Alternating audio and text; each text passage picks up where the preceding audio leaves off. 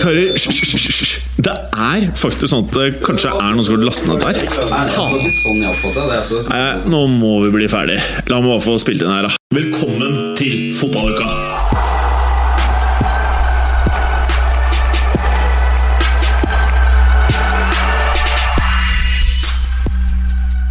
Velkommen til fotballuka, velkommen til fotballuka. Ah, ja, det var roboten vår som hørte. Eh, men nå tar jeg over, og det vi skal gjennom i dag, er selvfølgelig Europa. Og da kan jeg meddele at eh, Morten Gallosen skal prate om league Ø, Berger skal prate om Serie A, Preben skal prate om La Liga, og Bundesliga går til en joker som heter Gallosen. Og så skal vi se på Premier League, for nå har vi venta lenge nok. Ja! Og så har vi en eh, aldri så liten spennende overraskelse som er i et eh, sort pappkrus, som han derre globentrotteren vår Galesen har med seg. Tror det blir fælt. Lukter tåfis i studio, og det er ikke fra tærne. og med det så er vi klar for nok en episode av Fotballuka! Fotballuka!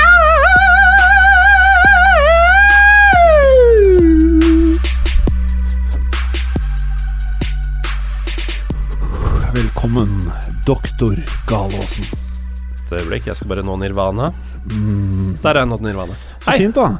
Eh, nå, nå som vi livestreamer Morten Galåsen, så kan vi endelig vise disse fæle T-skjortene dine. Og hva står det her? Her står det Der står sannheten. Hva står det der? Det kan du lese. Der står det 'Guns don't kill people. People with mustaches kill people'. Og det viser jo historien. Eh, Adolf drepte mennesker, Saddam drepte mennesker, Josef Stalin drepte mennesker, osv. Mens for eksempel eh, vår store helt Ildurce Ildurce? Ja, Han tok ikke livet Han hadde ikke bart, han tok ikke livet av folk. Nei, uh, men Harald Bredeli derimot, han har uh, sleia en del uh, folk. Ja, og i, i, I dag var det en tragisk drapssak. Jeg skudde på nyhetene klokken fem. Eh, det hadde vært et drap på Steinkjer. Og så skrudde jeg på nyhetene, og så var det pressekonferanse fra politihuset i Steinkjer med en kar med en gigantisk bart, eh, som da påstod at var sønnen til offeret som var drept. Da er jeg sikker på at det var han. Ok. Ah, ja. Eh, bra start på introen. Hvordan eh, har det seg at eh, det lukter tåfis i studio i dag, Morten Gallosen? Så lenge det ikke lukter tåfis fra noen av sokkene våre. Eh, ja, nå sa jo Preben for så vidt at han nok dro med seg ganske mye tåfis inn, og det stemmer med min erfaring. Jeg har vært her i hele dag. Det har ikke lukta tåfis før etter at du kom. Nei, egentlig. hadde jeg visst om hva vi får i glassene her, så hadde jeg eh, fått på mer tåfis, hvis det er mulig å Men hva er det i disse glassene, da? Det er um, den tyrkiske ehm, grønnsaksjuicen sjalgam eh, med ekstra chili. Sjalgam. Eh, denne gangen fra fabrikanten Burju. Jeg hadde aldri f eh, faktisk smakt den før, Nei. men ehm, jeg syns den kicker ganske bra. Ok. Er det Og, tyrkisk? og da må vi jo selvfølgelig ta runden her. Eh, da skal vi smake på bu burku. La oss Men den luk- er da la oss lukte alkoholfri, først. det er litt viktig å lukte først. Ja. det er, det er grønnsaksjus. Fy faen, det det er lukter så forferdelig. alkohol. Åh, skal be- Helvete! Åh. Og det er noe av det aller aller verste jeg har smakt i hele mitt liv. liksom Det beste med den er den chilien. Ja. Da, Åh. jeg må sette bort uh, PC-en. Jeg er redd jeg spyr. Ok, Preben. Fy faen. Å, fy faen, det er grusomt. Det lukter tiss. Å, fy Det lukter faen. tåfis, tiss, Jeg er promp. enig. Alle beste med er jo chilien. Ja. Det Jeg er døyver eneste jo noe av dritten Ja. her. Det er faktisk ganske digg, den chilien. Ja. Det var godt, ja. Blir jeg skikkelig kvalm. Og med det, Preben, så kan vi få høre hvordan det går med boken din. Vet du hva? uh, den har jeg Jeg har ikke kastet den, men det er ikke så langt unna. Er det fordi sønnene dine har blitt fan av den? At det er jævla bad influence Det der? er, det er riktig. Nei, den uh, Vet du hva, den presangen, det Jeg vet ikke om det er tanke som teller, eller hva det er, ja, men uh, Nei, den var helt dritt, den boka. Det er det verste jeg har lest noen gang.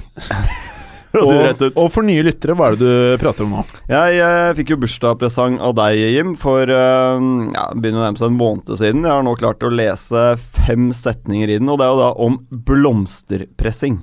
Ja. Kanskje den eh, gjør seg bedre med et glass eh, sjalgam? Sjalgam burku. Jeg tror den sjalgammen kommer mye bedre ut hvis jeg sitter med den boka foran meg. Ja. Mm. Eh, Preben. Ja. Eh, jeg vil veldig gjerne høre Hva er det du gleder deg mest til i dagens sendeskjema? Jeg gleder meg til å snakke om litt klubbfotball igjen. Altså. Det der Ja. landslagspausen er faktisk det er helt helt krise. heil... Ja. Ja, det er grusomme greier. ja, det er altså Det er så kjedelig. Det er så uinteressant. Det er så dårlig kvalitet på stort sett det aller meste som blir vist. Det som var kult nå, var at de prøvde ut den videodømmingen uh, for første gang mellom uh, Frankrike og Spania. Ja. Um, det funket vel sånn halvveis greit. Vi fikk vel et spørsmål om det i dag også, Jim, gjør vi ikke det? Jo, På Twitteren vår. Ja. Uh, Eh, Det var, det, så vidt jeg forsto, så var det en eh, i, I den situasjonen hvor uh, Grismanns mål ble annullert, så var det jo, tok det jo 40 sekunders pause. Uh, og jeg ser at en del begynner å diskutere om videodømming, selv om uh, også de som er positive grunnleggende sett, er redd for at det blir for mye oppbrudd i spillet. Ja. Men eh, har, vi fått noe, har dere noe klarhet i, i hvilke situasjoner skal det brukes? Det er ikke alle situasjoner, ikke sant? Det er bare ved rødt kort, uh, offside og eventuelle straffer. Straffesituasjoner, Ja. Jeg, jeg er jo sånn uh, Egentlig imot alt som har med videodømming å gjøre. Rett og slett, som du sier, jeg er redd for at det blir stykket opp. Jeg har sett mye amerikansk idrett uh, opp gjennom årene. Jeg syns det blir jævlig døvt med alle disse pausene. Og jeg mener at Jeg syns faktisk linjedommerne i dag har blitt veldig, veldig bra. Det er sjelden de går på noen store blemmer. Altså. Jeg tenker om en er 20 cm offside og scorer, syns jeg det er helt greit at det går. Helt enig. Jeg syns det er mye verre når eh, det vi så en del ganger eh, for noen år tilbake, at uh, veldig ofte så ble folk blåst for offside selv om de var onside. Ja. Altså da Ja, ja, det mye, mye verre. Kombinasjonen av rask av forsvar som står høyt, rask spiss, og Ja. en type Savi Pirlo som eh, lå tilbake. Jeg husker jo spesielt AC Milan på sitt beste med Sjevtsjenko, da han var ordentlig eksplosiv rask, og Pirlo som tredde gjennom. Jeg husker Det var en Champions League-match fordi jeg tror de hadde tre eller fire. Hvor han var alene med keeper. Ble blåst av hver gang han var onside så det sang. Jeg, det ble jeg så jeg var forbanna, altså. Ja, det er enig, men nå syns jeg de er såpass bra at uh, Og det er noe med sjarmen i fotball. da At man kan sitte og diskutere situasjoner etterpå. Ok, det var en liten feil der, man kan krangle litt osv. De diskusjonene må man jo fortsatt ha. Man kommer jo selvfølgelig fortsatt til å ha de. Um, men jeg syns allikevel det er noe av sjarmen at det er noe feil av og til osv. At det er litt tilfeldigheter. da Men stort sett så vinner jo det beste laget uansett. Ja, men, i, men i tighte matcher så er det klart at det kan fort bli uh, utslagsgivende. Det har vi sett, uh, sett ganske mange ganger. Men jeg er enig at det er færre ganger hvor det er sånn graverende feil nå enn det det var for en del år tilbake. Ja, og Så ble den her prøvd ut i en treningsmatch. Uh, for at dette er, jeg skal se, liksom, se om dette funker ordentlig. da som jeg ser det i en ordentlig tellende match. For en treningsmatch så gir jo folk egentlig ganske faen. Altså om det blir Ja. mål eller ikke.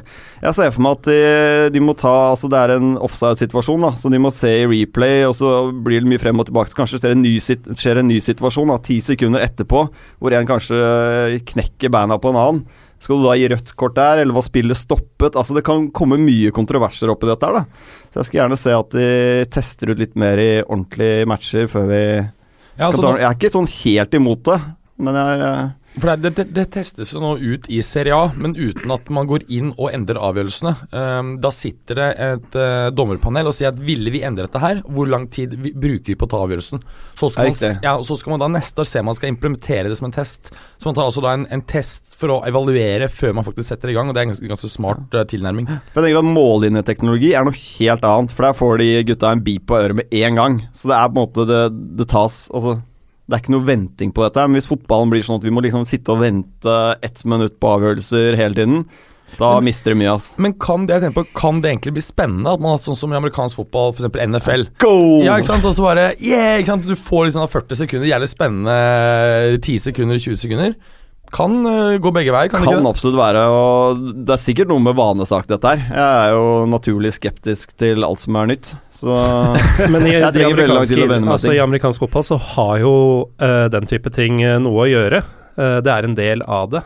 Mens jeg er jo som vanlig enig med Preben. Jeg er jo manisk motstander av alle endringer i tradisjonssporten fotball. Eh, Men hva er med riktignok mållinjeteknologi? Er du for det? Der er jeg faktisk det. Ja. Men, uh, Men det er fordi det, det, altså det, det har ikke noe innvirkning på spillet, tenker jeg da. Nei, men det at uh, man er en halvmeter feil, får et offside-mål godkjent, eller et mål som ikke var offside, annullert, uh, sånn synes jeg nesten bare er en del av sjarmen.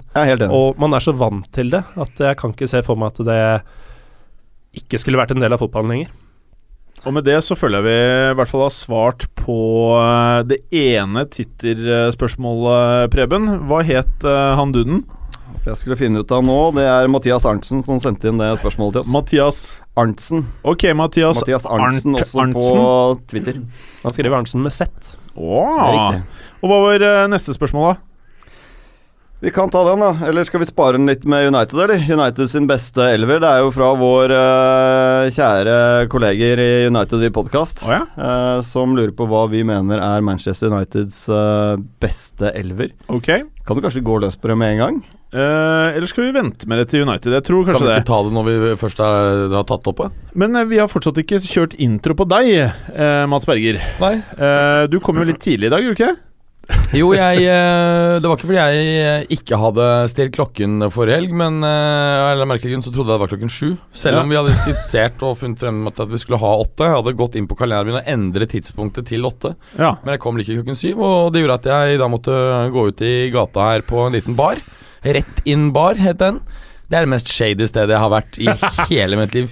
Fy faen. 49 for halvliteren, billig, da. ja, det Men det var så utrivelig at jeg greide ikke å klemme inn mer enn én øl og en jeger på en hel time, og det er eh, Hva slags type profil er det på baren? Eh, det er eh, mørkt, alkoholisert, utrivelig eh, og billig.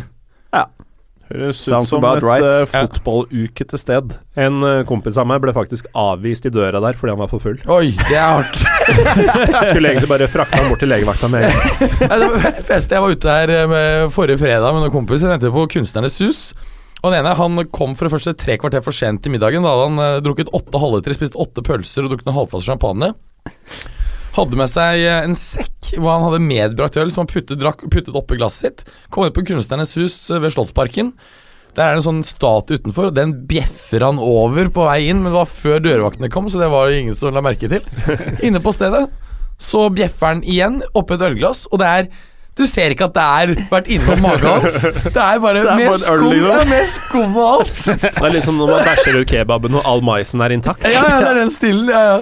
Er det noen som skal ha mer sjalgam? Nei takk, det går fint ellers. Og så Nei, fant han ikke at- at han skulle dra videre til Anders pub, det derre semi-shady Ja, ja. stedet nede i Der hvor det lukter pissoar. Ja, lukter pissoar. Og der kom han ikke inn, så han endte på et sted som het Johns Bar nede i Universitetsgata.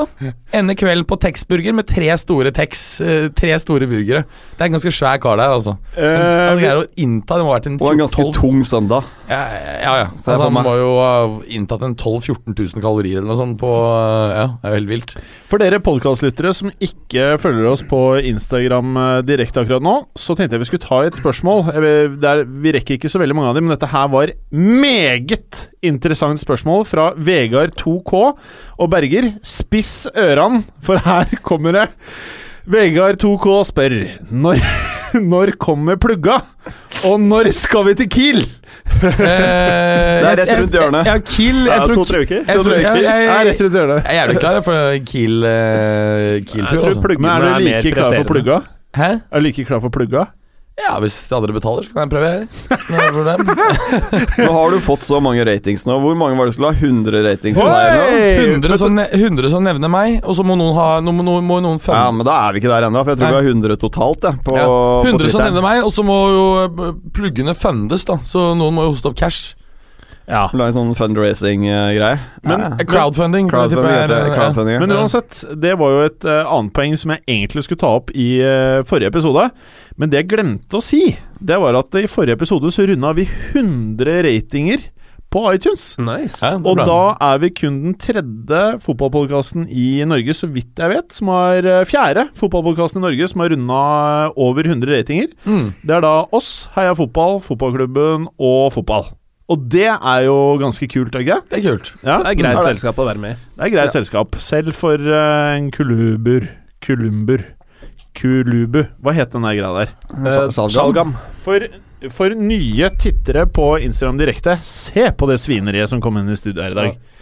Ae, Aeli Jim, har du luktet på det? Sal, Salgam Hot Det var helt jævlig. Ja, Det er, det er nesten jævlig. vanskelig at de, altså, har de, Er det for kødd? Har de på en måte lagd den uh, vond altså, Ja, det var er det jeg mulig trodde. å lage den så vond. Ja. Ja, det er Eller har de utrolig. helt andre eh, smaksløker der nede? Nei, det har de jo. Eh, Jeg også trodde jo det var en spøk da jeg fikk det første gangen. Eh, For jeg fikk det jo i et glass, jeg så aldri noen flaske eller noe sånt, så jeg trodde folk bare hadde kasta masse greier i et glass. At det egentlig var rødvin som de bare hadde hatt salt oppi og diverse sånn. Men eh, nei da, dette er eh, ekte vare. De drikker det spesielt til eh, sterk mat. Ja. Du tok jo refill nå, da, så du må jo synes det er sånn helt Jeg syns det er stor storveis. Hvor mye koster en sånn der? 20 spenn for en liter. Det er ikke så dyrt, faktisk. For Ja, noen folk så vil jo de eh, faktisk kalle dette er fæle saker. Men eh, vi må uansett videre, folkens. Uh, og vi skal innom følgende. Vi skal nemlig eh, se nå på Europa. Og vi må innom de største ligaene. Eh, Gallåsen, you know the drill. Vi må jo selvfølgelig da eh, innom Ligue Mø. Ja, vi starter i France. Ja, vi starter i France. Ja, hva lurer du Eh, hæ? Hva lurer du på? Bare fortell meg noe. Nå er du live her, altså. Ja, men uh, ja det, Bare si noe. God programleding, Jim. Ja, bare si noe. uh, jo, du lurer f.eks. på hvem som tar seriegull og. CL-plassene? Nei. Det er ikke det? Nei. Hvem som rykker ned, da? Uh, nei. Hvilke lag som har overraska positivt eller Ja. negativt? Ja, riktig gjettet. Eh, kan du starte med det positive? Åpenbare er jo Monaco og NIS, som eh, ligger på henholdsvis første- og tredjeplass. Det er jo ikke noe overraskelse at Monaco er i topp tre, men at de skulle være nummer én med åtte kamper igjen å spille, og eh, på såpass eh, imponerende vis. Eh, det har sjokkert eh, vel hele panelet her, vil jeg tro. Ja, og ikke minst være i kvartfinalen i Ja. Champions League også. Vi var vel ganske samstemte da vi så på dette før sesongstart, at PSG, om de ikke vinner med 30 som i fjor, så i hvert fall med 10-15. Ja. Eh, men nå begynner jeg å tenke at de tar det. Eh, I hvert fall har en god sjanse, for de har disse tre poengene å gå på. Det er bare åtte kamper igjen. Eh, de er inne i en flyt og begynner å få mer og mer troa på det de driver med. Ekstrem sult i laget. Det er jo nesten ingen der som har vunnet noe som helst før. Og eh, på motsatt side så har du da et PSG som både må ta igjen de tre poengene, men også ta innpå i en annen runde, fordi målforskjellen er så knusende overlegen for Monaco. Uh, og det er jo et PSG som på sin side uh, ser ganske mette ut. Ja, du, du, sitter jo ikke med den følelsen at PSG vinner resten av matchen heller. Nei. At de fort kan avgi noen poeng her og der. Så ja, ser lyst ut for Monaco, Mm. altså. Og de virker så solide, da, som jeg snakket om i hele år, Monaco-laget. Ja. Det er liksom ingenting som tyder på at de skal sprekke helt på slutten her. Eh, mm. så over til uh, noe helt annet. Mm. Uh, hvem tar CL-plassene? Ja, nei, det er jo disse to nevnte og PSG. De har jo eh, to direkteplasser og én kvalifiseringsplass, hvis jeg ikke tar helt feil. Og det er jo Monaco og PSG som har løpt av gårde med dette her. Hvor mye har du zooma inn på meg nå på denne Noe helt sykt zooma inn på Instagram direkte. Nei, men altså PSG og Monaco har jo løpt av gårde med dette her. NIS eh, så jo lenge ut som en faktisk tittelutfordrer, de også, men de har nå gått på disse små feilskjærene som de ikke har råd til, og som måtte komme, egentlig.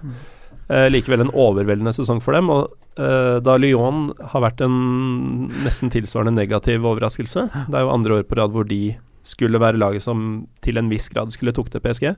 Igjen har uh, kåla det mye til, og er for langt eh, bak eh, NIS til å ta dem igjen. Men hva er det de mangler, Lyon? Altså, de har mye gode enkeltspillere der. Er det De mangler Juninho Caramberako. Ja, Pernambucano. Pernambucano. Ja, de, ma- de mangler han, eh, rett og slett. Eh, Eller er det mentaliteten til en del av de gutta på laget der?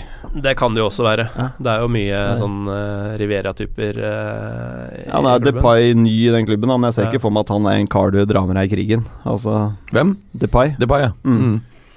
Hvis de har mye av den type spillere, så Ja, og så blir det mista de jo uh, Samuel Umtiti før uh, sesongen, og ikke Jeg skal ikke si at en Kolo er på samme nivå, eh, for å si det pent. Og de har jo også, som vanlig, da, hatt mye skader.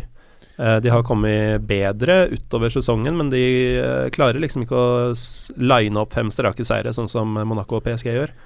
Eh, og hver gang de Ikke har for å avbryte deg, Gallosen, men vet du hvem som følger oss på Instagram direkte nå? Margaret. Margaret eh, fra det åpne forholdet ditt. Er hun i Norge?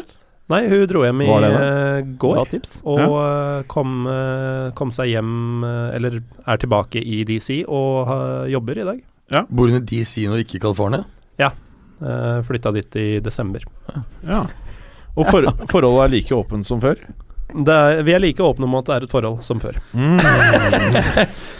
Men du, apropos Lyon, han derre Tolisso, er han? Mm, ja. Tolisso. Ja. Han eh, virker jo som et uh, transfermål for ganske mange klubber nå. Ja, Juve har jo jeg, jeg vet jeg prøvd å forhandle med Lyon. Ja, vi snakker sånn 40-50 mill. euro for Ja, 40 de har krevd. Juve har liksom prøvd seg med sånn skambud som Ja. de gjerne gjør. Ja. Så ja, sånn 25 med litt bonuser og sånn. Mm. Vet du hvordan det blir? da? Kommer det en annen klubb frem, og så bare legger 45 på bordet, og så chunk. Men tenk at er 25 millioner for han regnes som et skambud nå. Mm. Altså Hva har han gjort annet enn å spille bra i ligaspill for eh, Lyon, og for så vidt i Europaligaen også? Eh, Det er jo ikke en merittert spiller på noen måte.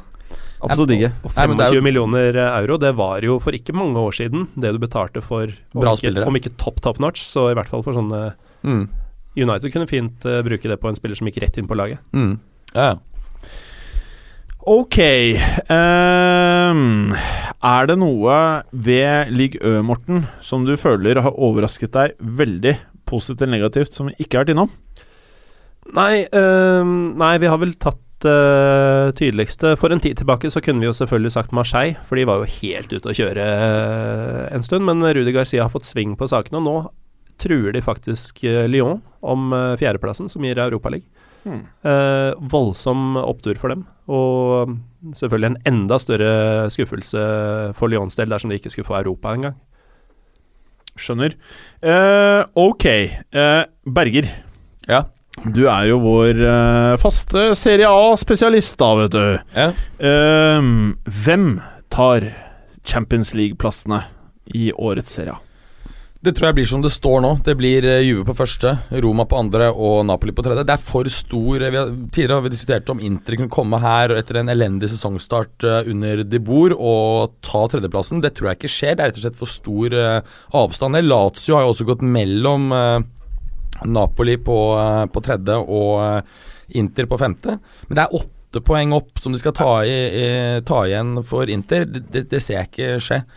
De virker for stabile, de topp tre. Ja. Eh, de går rett og slett ikke på nok feilskjær til at uh, uansett hva Inter gjør på slutten her, så tror jeg ikke de er i nærheten. Nei, Eller de kan være i nærheten, men kommer ikke opp, da. Nei, og, og, og Roma virker for sterke til at uh, Napoli tar andreplassen. Så eh, jeg mener uh, Djeko har jo snudd en elendig fjorårssesong til å være i knallform i år, så, så jeg ser ikke noen store endringer der. All honnør til Lazio og Atalanta, som kanskje er de to lagene som har overrasket mest positivt. Atalanta med alle disse unge spillerne, to av dem har blitt kjøpt av henholdsvis eh, Inter. Uh, Giallardini, eh, ikke sant, som har gjort et eh, veldig eh, bra Gjort en god figur sammen med Jeffrey Kondogbia, som har hatt et fantastisk comeback etter elendig sesong i Inter i fjor. Eh, og så er det jo da um, den unge stopperen, eh, nå står det litt stille for meg, som eh, skal være fortsatt på lån i halvannen eh, sesong til. Frem til sommeren 2018. Eh, Caldara, er det det han heter? Ja. Mathia Caldara, som eh, skal til Juve da etterpå. Og som eh, vel antagelig er ment å skulle danne midtbane Nei, unnskyld, midtstopperpar med, med Rugani. Eh, som, sikt? Ja. Ja. Det er jo god mulighet for at Juventus tar gevinst i Bonucci til sommeren. Og så har de jo disse to gamle gutta som knapt kan gå, men som fortsatt er god på posisjonering og, og markering og taklinger. Kelini skrev vel ny kontrakt Ja, nå ja. nylig, gjorde han ikke det? Ja, og jeg, jeg har ikke noe tro på at uh, at uh, Barzali har tenkt å gi seg uh, til sommeren. Jeg tror han skal i hvert fall spille et år eller to til. Uh, fikk du med deg det som var litt sånn utypisk disse gutta her? At uh, var det nå under landslagspausen at Barzagli hadde blitt uh, Kasta ut på Eller han, han forlot uh, troppen pga. Personlige pr private grunner. Ja, private årsaker? Ja, det, det som er spekulert i, er at om om han hadde vært på byen, men angivelig så var det situasjonen han hadde vært ute og spist med kone og barn på et sted som type sånn restaurant som da blir nattklubb etterpå. For det dukket opp et bilde på Instagram, gjorde du ikke? Hvor Barzagli var ute med noen chicks. Eh, et eller annet sånt. Jeg tror- ja. Mm. Så mm. Men- Ble, ble men- litt men- ivrig. Ja, jeg, jeg kjøper ikke inn storyen at han var ute med kone og barn, men det er det som uh, Han DJ-en som la ut dette på Instagram, sa etterpå Nei, men han var bare ute med kone og barna sine. Så Fikk noen lapper under bordet og ja, ja. Eh, men eh, men eh, det var nå helt greit, da, for han ladet opp bra til eh, helgens eh, oppgjør mot eh, Napoli. I Napoli. Syns du Barzagli fortsatt holder koken? Er du fornøyd med å ha han som et eh, Absolutt. potensielt eh, førstevalg til neste år? Han, ja, nest, Det vet jeg ikke, for på et, et eller annet tidspunkt så går det jo downhill. Men han eh, ble jo kåret til beste forsvarsspiller i serien, både i fjor og forrige fjor. Ja. Og eh, defensivt så mener jeg at han har vært den beste i Europa de to sesongene. Men han eh, blir jo ikke raskere, men han har aldri vært spesielt rask. Han er ekstremt flink til å kamuflere Ja. tempoproblemene sine. Ja, det er akkurat det. Han er jo Voldsomt god på posisjonering Ja. og markering og taklinger. Takk, eh, så tror han holder et år eller to til. Jeg. Ja. Vet du hva, Apropos gamle stoppere, jeg eller merket jeg forleden. Eh, Mexico spilte jo noen match i, i, som mange andre. Og så gikk jeg inn bare så på lagoppstillingen. Gamle Ra Jeg trodde faen ikke at det kunne være samme person. Ikke Rafael Marquez. Jo, Rafa Marquez! Han spiller fortsatt leveren. Ja, han spiller defensiv midtbane. Jeg, og så gikk jeg inn og sjekket. Han spilte jo faen meg i Serie A så sent som i fjor. Vet. du. Jeg bare ikke, for, da hadde han vært i USA først, og gudene vet hvor. Og så eh, spiller han nå, tror jeg, i Er den amerikanske ligaen, tro? Ja. Så det eh, Det er så jævlig lenge siden at jeg tenkte at nå begynner han å gå over slutten. Det nærmer seg jo en åtte-ti år siden, og så er han fortsatt, spiller han fortsatt på landskap. Jeg tror han nærmer seg 140 landskamper. Bare hvor gamle tror du han er? 38. Ja, du har sjekka det, ja. Ja. Ja, men Så fint, da. Ja. Uh, er det noen lag i Serie A som har overraska deg positivt eller veldig negativt? Som jeg sa, Atalanta og Lazio på den positive fronten. Negativt, ja, Inter uh, under de bor, mens de har overrasket veldig positivt under Pioli. Skal man godt nevne Palermo. Vi trodde jo kanskje de skulle rykke ned i fjor.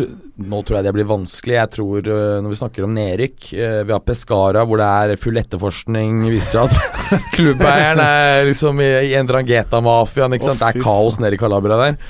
Og, Italia, altså. Ja, ja, ja. elsker Serie A. ass. Det, er- ja. de tingene her som er så digg med Serie A. Nei, vet du, helvete, det er kanskje Crotone. Det er en av de to her. Det er Crotone, ja, Jeg er ja, ja. Eh, og så har du Palermo Ja, det går litt fort i svingene her. Og så har du Palermo på 15 poeng. Eh, jeg tror I fjor så lå det jævlig dårlig an lenge, og så greide de plutselig å snu skuta siste matchene. Men du har Empoli på 22. Det er syv poeng opp på såpass få matcher. Jeg tror dessverre Palermo ryker i år. Oh. Eh, når vi er inne på Palermo har, Det er jo en av de mest spicy presidentene i klubbfotballen. Maurizio Samparini. Han er jo helt spinnvill i huet sitt. Sparker jo en Men du digger du ikke? ja, han er jo fet. Ja, ja. Sier jo så mye sinnssykt, og sparker jo trenere og tar dem tilbake bare få uker etter og sånn, for da har han sparka arvtakeren. Men han har jo nå solgt klubben, eh, eller er på vei til å selge den til noen amerikanere, faktisk. Det er litt kjipt, Det, merker jeg. det er det. Eh, Men han utelukker ikke at han kjøper den tilbake og kommer tilbake. Det gjør han garantert. Det er det som er så sykt. Det er før han har fullført salget, så sier han at det er godt, men jeg kjøper den tilbake og kommer tilbake som president. Men det Palermo-laget kan jo fort dette ned i Serie C, tenker jeg. altså Det er det som er Ja, men samtidig ny um, Ja, Med en ny eier, selvfølgelig. Jeg tenker Ja. Hvis de hadde hatt uh, Altså, de har jo egentlig fans og ressurser som kunne være en, en sånn uh, mid, eh, mid-table-klubb. Så jeg tenker at med mer stabilitet i, på en del av områdene, så, så tror jeg de kan komme ganske raskt opp, opp igjen. Uh, vil du si at det er noen spillere som uh, Du har vært innom noen du syns har gjort uh, forbedringer, men er det noen gjennombrudd? Ja, disse to, Gelardini og uh, Ja. Caldara Ja. Er det noen, an er det noen andre publikum bør uh, få med seg, slik du ser det? Jeg må jo si at uh, jeg, synes, jeg nevnte jo Kondogbia, da, uh, som jeg syns var knallgod. Vi ga han jo kred da han var i, i Monaco. Eh, og han har jo på en måte brutt tilbake, da. Selvfølgelig er det Ja, og så har du selvfølgelig han Ja, ja, så du har jo Belotti, da. Det er jo vel det mest sinnssyke Ja, gjennombruddet. Ja, ja, ja, selvfølgelig. Det vel, og det er vel det største gjennombruddet av spiss i Europa i år, vil jeg si. Altså, når, når, du, når du skårer 21, kamper på 21 mål på 24 kamper for Torino, som ikke akkurat er jævlig hot, da. Han skårer jo 40% av målene til Torino. Ja. Og så hadde han jo jeg tror han hadde tolv skåringer i Serie A i fjor. ja. Og det mm. Tatt et steg. Ja. Så er spørsmålet hva som skjer videre med han, da. Uh, jeg tror han blir, det. Jeg tror han blir en sesong til, nettopp av den Ja. årsaken vi snakket om med hensyn til uh, at mange spillere som ikke er veldig etablert på landslaget sitt, er forsiktige med å gå året før et uh, stort mesterskap. Så jeg tipper han, han, han og Også fordi at Torino har jo Det er jo en 100 millioner euros uh, utkjøpsklausul. Og hva heter han, Urbino Cairo, Torino-presidenten, han har jo sagt at liksom, det er ikke noe forhandlingspart, det er det han koster. Så, og, det, og det er spørsmålet Vil du bruke 100 millioner euro på en spiller som har hatt én knallsesong? Jeg tenker at ehm, han blir en sesong til, ja, og så går han for 100. Det ville jo ikke vært lurt å gjøre det, men eh, noen kommer til. Kan jeg bare skyte inn at eh, en som kaller seg Mr. Kebab-Vincent, ja. følger sendinga vår nå? Ja, Mr. Kebab-Vincent. Hello, hello. Hello, Mr. Kebab-Vincent. Det er bra navn, altså. Jeg liker det. Den godeste Chiro Immobile står vel med Er det 17, tror jeg han har, for Lazio i år? Ja. Så han er jo virkelig kommet tilbake igjen etter at han eh, meldte overgang til Serie A. Berger Det er så jævlig kaldt, liksom. Berger, nå fucker du oss. Ja, det er jævlig varmt her, Berger. Nei, det er ikke det, liksom. Jeg må Ok, gi mormor ringer. Skal vi ta en reklamepause, da, eller? Mormor ringer. Jeg er straks tilbake. er straks Ok, tilbake. ok. Preben, La Liga. Ja. Eh, det eneste jeg egentlig syns er eh, spennende, sånn helt egentlig, det er hvem som tar seriegull. Vet du hva, jeg tror eh, det er eh, Real Madrid, jeg. Ja. De har vært i førersetet hele sesongen og er det fortsatt. De eh, har en kamp å gå på. to poeng og en ekstra match, så mm, mye skal til altså for at ikke de tar seriegullet. Barca er De kan selvfølgelig vinne resten, men jeg tror Madrid har det som skal til. De er favoritten nå, men er ikke 100% men uh, de bør ta det sånn som ståa er nå, altså. Ja, det, Det altså, det virker litt som at dette Barca-laget mm, har mye lettere for å gå på um, Med unntak av bortekamper mot PSG, så er det lettere for dem, ser det ut som, å gå og smeller mot uh, antatt klart svakere motstand. Altså ja. Deportivo Nei, den vant Nei, nei de hadde han 2-1-tap, var det ikke, mot Deportivo? Ja. De, de, jeg føler at de, de evner ikke å kontrollere matchene på samme måte da som de har gjort tidligere. Nei. Det er noen mer eh, hull bak der. Vi var inne på det i forrige uke, eh, hvordan eh, motstanderne klarer å skape veldig mye sjanser på, på Barca om dagen. Mm. Så ja, Midtbanen er jo ikke i nærheten av det den var. Nei, jeg føler det er litt eh, for ustabilt, rett og slett, til Mm. at eh, Barca klarer å ta det. Men man vet aldri. De er jo helt avhengig av Messi. Da. At Messi spiller han som en gud resten av sesongen, så kan de jo vinne resten. Ja. Eh, det kan de. Og Det virker jo som den um, løsningen de hadde um, i den matchen mot um, Hjemmematchen mot PSG, uh, hvor uh, de lot Messi være en del av midtbanen i en slags fri rolle. Da fikk de uh, kamuflert svakheten til midtbanen mye bedre enn hvis de har han ute på vingen. De så mye bedre ut, det gjorde de. Ja. Men samtidig så sliter de jo på, på vingene, da. Med, altså, det er Rafinha Neymar som vi var inne på forrige uke, som liksom skal ta det eh, krittansvaret på hver side. da Og, og den forsvarstreeren Det blir så mye rom bak dem, da i og med at de ikke jobber noe særlig hjemover, noen av dem. Men eh, det som vel har vært mest oppe i uh, mediealtepset i La Liga siste uka, er jo eh, Sevillas eh, sportsdirektør uh, Monchi. Som nå prøvde å gi seg i fjor. Det fikk han ikke lov til. Nå i år så får han lov å, å gi seg. og Vi har jo fått et spørsmål her fra Hans Fredrik på Twitter. Mac Hanseren. Har Roma allerede gjort årets viktigste signering ved å skaffe seg sportsdirektør Monchi fra Sevilla? Og det kan jo Roma fort ha gjort. Eh, Det jeg er litt usikker på, da Monchi er jo en eh, spiller som eh, Han var en tidligere keeper som kom gjennom ungdomssystemet til Sevilla. Var stort sett andrekeeper bak Unsue gjennom hele karrieren. Men da han la opp, så ble han sportsdirektør i Sevilla. Egentlig vært der da han har vært det siden eh, 2000. Så det er ganske mange år han har vært der. Um, han har gjort mye, mye riktig. Uh, under hans ledelse så har de jo eh, signert uh, veldig mange rimelige spillere opp gjennom årene. Det er uh, fått inn Daniel Wes, Adriano, Federico Fazio, som tro det eller ei, var en av de hotteste stoppetalentene sånn U20, altså rundt 20-årsalderen. Eh, Ivan Rakitic. Eh, fått opp spillere gjennom ungdomssystemet. Jesus Navas, Sergio Ramos, Reyes, Alberto Moreno og Diego Capell, som også var et stort talent før han fada helt ut av fotballverdenen. Så har han jo, det spekuleres jo om at han faktisk har klart å, å gå i pluss med rundt 200 millioner euro i denne perioden her også. Så han har gjort en kjempejobb der. Det Det er jeg usikker på med Monchi. da Han har hatt én arbeidsgiver hele livet sitt. Det er jo noen som funker veldig bra hos en arbeidsgiver. Eh, kommer til en ny klubb, eh, en ny jobb, vet ikke helt hvordan det funker. Eh, men det, det blir spennende å se, for det kan være Jeg tror det er helt riktig eh, altså at Roma gjør noe veldig riktig her og får inn Monchi. Han skapte jo et speidernettverk. altså Sevilla hadde null og niks, så hans mandat var jo å bygge opp ungdomsavdelingen og skaffe sinnssykt speidernettverk i hele verden. Han, jeg tror han hadde et speidernettverk på rundt 700 speidere som jobbet for Sevilla.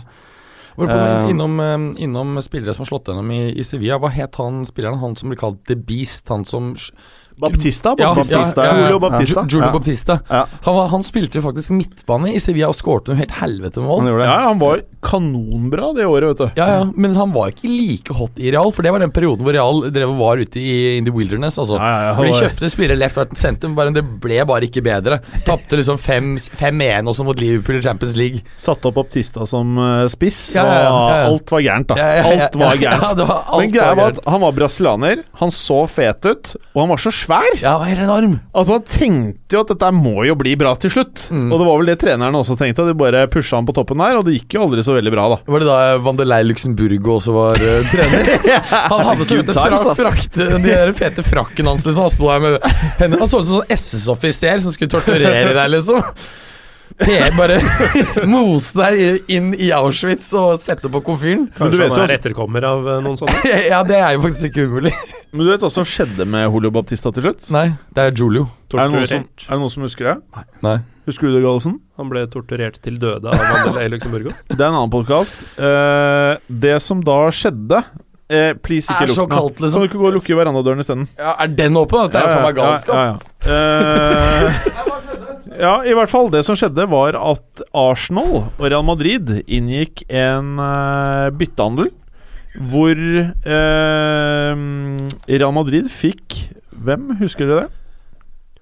Reyes. Reyes i retur, og han skårte da vinnermålet i uh, en kamp som gjorde at de faktisk vant seriegull i Spania det ene året. Under Capello. Helt riktig. Og Capello ble kitta huet og ræva ut, Ja. selv om han vant. Ja, og da spilte han nemlig med Emerson, som kom fra Juventus. Jeg digget Emerson. eh, Og hvem, en annen defensiv midtbanespiller. Eh, Diarra? eh, Lassan. Nei, Lass- ja, han, han andre. Mamadou Diarra. Mamadou Diarra. Mamadou Ma- Diarra. Mamadou Diarra. Mm. Og du vet, det er en sånn Real Madrid-supporter, sånn evige lengt, da. Var jo etter at Makelele dro. Ja. Så var det jo Vi prøvde hele tiden å finne nye Makelele, men vi skulle aldri innrømme at det var dumt å selge Makelele. nei, nei, nei. Og skulle aldri liksom Nei, nei, nei, trenger ikke ny Makelele, men vi prøver allikevel å hente en som er veldig, veldig lik i alle fasetter av uh, spillet. Så Ja. Mamadou Diarra, og så var det Lass Diarra. Ja, det var senere, men det var Ja. Emerson og han som spilte sammen det året. Ja, de kjøpte jo Emerson i motsatt uh, formkurva når de kjøpte Zidane fra samme klubb. Ja, det var når han var på vei ned og han var klar for plugger. Ja, ja han var jo han, han var jo jævlig god i Juve, Emerson, på de to sesongene. Eh, han, han var der, eh, så jeg syns det var helt forferdelig å, å miste han. Men eh, han var en fryktelig lite pen mann. Var ikke sånn veldig Husker du hvordan han ser ut? Ja, jeg, Altså, sy altså, syns ikke, det var noe- synes ikke det var noe galt med utseendet hans. Det Det var mer at det, håret det, sånn, det så litt ut som kjønnshår på toppen i stedet for ordentlig hår. Så han burde jo bare fjerna det, sånn som det du har gjort. Ja. Eh, uansett, nå har vi rota oss litt uh, vekk her. Nei, men altså jeg kan si Real Madrid, da. Du sa det jo forrige uke at 8. til 23. april blir avgjørende for uh, om Real Madrid får en vellykket sesong, eller om dette her blir en middels sesong for dem. For da tror jeg nesten alt avgjøres. De skal møte Atletico, Barca. De skal ha to matcher mot Bayern München. så er det en kamp mot Sporting riktignok også, som blir litt walkover, sannsynligvis. Men de matchene der vil jo avgjøre ja, det vil egentlig definere sesongen til eh, Real Madrid. Ja, altså, Som vi snakket om tidligere, de har ni matcher i løpet av eh, den måneden. Det er helt voldsomt, altså. Ja. Det er hver tredje dag fra første match den 2. april eller noe sånt, tror jeg. Det er vel nå på søndag. Har, har, har de stallen til å takle det Ja, de har det. De har den beste, mest komplette og bredeste stallen. i verden? De har det. Men her er de jo nødt til å toppe laget da i veldig mange matcher på rad. Ja. Eh, så vi får se hvordan Og så de også tror jeg det kan, reagerer på kan det. bli litt avgjørende om Keller Navas greier å liksom ta et par steg i riktig formretning, for det har vært ganske bedritent etter han kom tilbake, altså. Ja. Um, Hvis du hadde vært eh, Florentino eller Sinedin, ja. Navas ut, De Gea inn eller Courtois inn, eller hva hadde du gjort? Altså, eh, jeg hadde vel faktisk da For jeg tror at du, du kan eh, riste løs Donnaroma for omtrent samme sum som uh, Gea. Og Ja, tror du det? Ja, jeg Jeg, tror det. jeg føler at han er, liksom, han er en av de få spillerne i verden du ikke får rikka på, for jeg. Det kommer litt, jeg tror det kommer litt av Altså, Han har jo en agent som er jævlig glad i kommisjon. Eh, Eh, hva heter han? Er det han finnen? eh, det er han fi, fi, finske eh, pizzamakeren. Raiola. Raiola. Eh, ja. Ja, Eh, han er glad i kommisjon, og han er glad i Crips i Miami, og han er glad i meget raske biler. Ja, ja. Og mange av dem. ja, ja. Mange biler. ja, nei, eh, så jeg tror på en måte at um, Nå har han visst blitt tilbudt en pakke på kontraktspakke på 5 millioner euro. Det er veldig bra for en spiller som er 18 år, men eh, jeg tror at eh, når eh, Hvis han har en tilsvarende deal som med Pogba, at han skal ha 20% så tror jeg ikke han greier noe annet enn å råde han knallhardt til å gå til, eh, til Real hvis det kommer et bud liksom på en opp mot 100 millioner euro. Jeg tror du må faktisk betale opp mot det. Husk på at her har du Han er allerede så jævlig god, og du har Han han er keeper i 16-17-18 år, da. Nesten 20, vet du, når du setter Ja. opp i faen. Du har en, en toppkeeper altså, ja, Ja. mellom 15 og 20 år. Skjønner. Og, og når du kan skrive på en måte av da den summen over så, så mange år, så blir ikke prisen så gæren. Så jeg tror det er et, uh, et bra kjøp. Men samtidig så tror jeg nok at De Gea uh, har en sterkere drive selv til å ønske å gå til Real Madrid. Han hadde jo vel lyst for to år siden. uh, og jeg ser at en del nå som, som kjenner til situasjonen hans, sier at han er veldig keen. Så vidt jeg har skjønt, så er kjæresten hans Madrid-basert. Og at han eh, er veldig keen på å, å Men så er det vel noe med det at Madrid også ønsker litt uh, spanske spillere. Ja, ja, og det Ja. taler foran, så jeg tror heller det skjer, altså, men jeg hadde heller kjøpt Donnarumma. Ja, men det er jo noe med at uh, Donnarumma har jo ikke dårlig tid, og Madrid trenger keeper nå. Mm. Uh, jeg kan ikke se for meg at Donnarumma forlater Milan nå i sommer. Nei, jeg, jeg tror ikke det. er Jeg, jeg, jeg, vanskelig å se. og jeg tror det er mer sannsynlig hvis han gjør det, så tror jeg egentlig det er mer sannsynlig at, Juve, at han går til Juve. Jeg tror faktisk Donnarumma blir i Milano kjempelenge, om ikke karrieren ut. Så tror jeg han blir der i alle fall til han er 25-26, rett før verdien forringes på eh, noen som helst måte. Og hvor de kan selge peak fremdeles, da. Det kommer ja, litt an på hva som skjer med Milan fremover også. da Om de talentene nå tar ytterligere noen steg, om de kommer seg inn i Champions League. Det tror jeg kan være litt avgjørende for den. Ja, og nå eh, har det vel mer eller mindre Vi snakket jo det, om dette oppkjøpet som, eh, som er på vei til å gjennomføres av AC Milan. Så var det spørsmål om det kommer til å gå i vasken. Mm. De, disse 200 millioner euro-innbetalingene De kan jo ikke refunderes. Og det tilsier jo at eh, det kommer til å gå gjennom. Men det selskapet som opprinnelig skulle kjøpe det, de, eh, de, eh, det er oppløst. Og han som var hovedmann bak det, skal nå selv eh, har droppet disse andre partnerne. At dette blir ikke et selskap som er rikt som kjøper det. Det blir et tungt lånefinansiert oppkjøp. Noe som skulle tilsi at videre investeringer i spillemateriell ikke blir like heftige som det de tidligere har, eh, har signalisert. Bra. Eh, Preben, slik du ser det, er det noen spillere vi ikke har nevnt, som har hatt et gjennombrudd som du ønsker å ta tak i i eh, La Liga i år? Det var egentlig ikke. Nei. Jeg syns La Liga har vært utrolig forutsigbart i år. Eh, topplagene, eh, de som ligger der, midtsjiktet og de som ligger i bunnen, akkurat som forventet før sesongstart. Det er de samme fire- tre-fire lagene i toppen som vi alltid snakker om.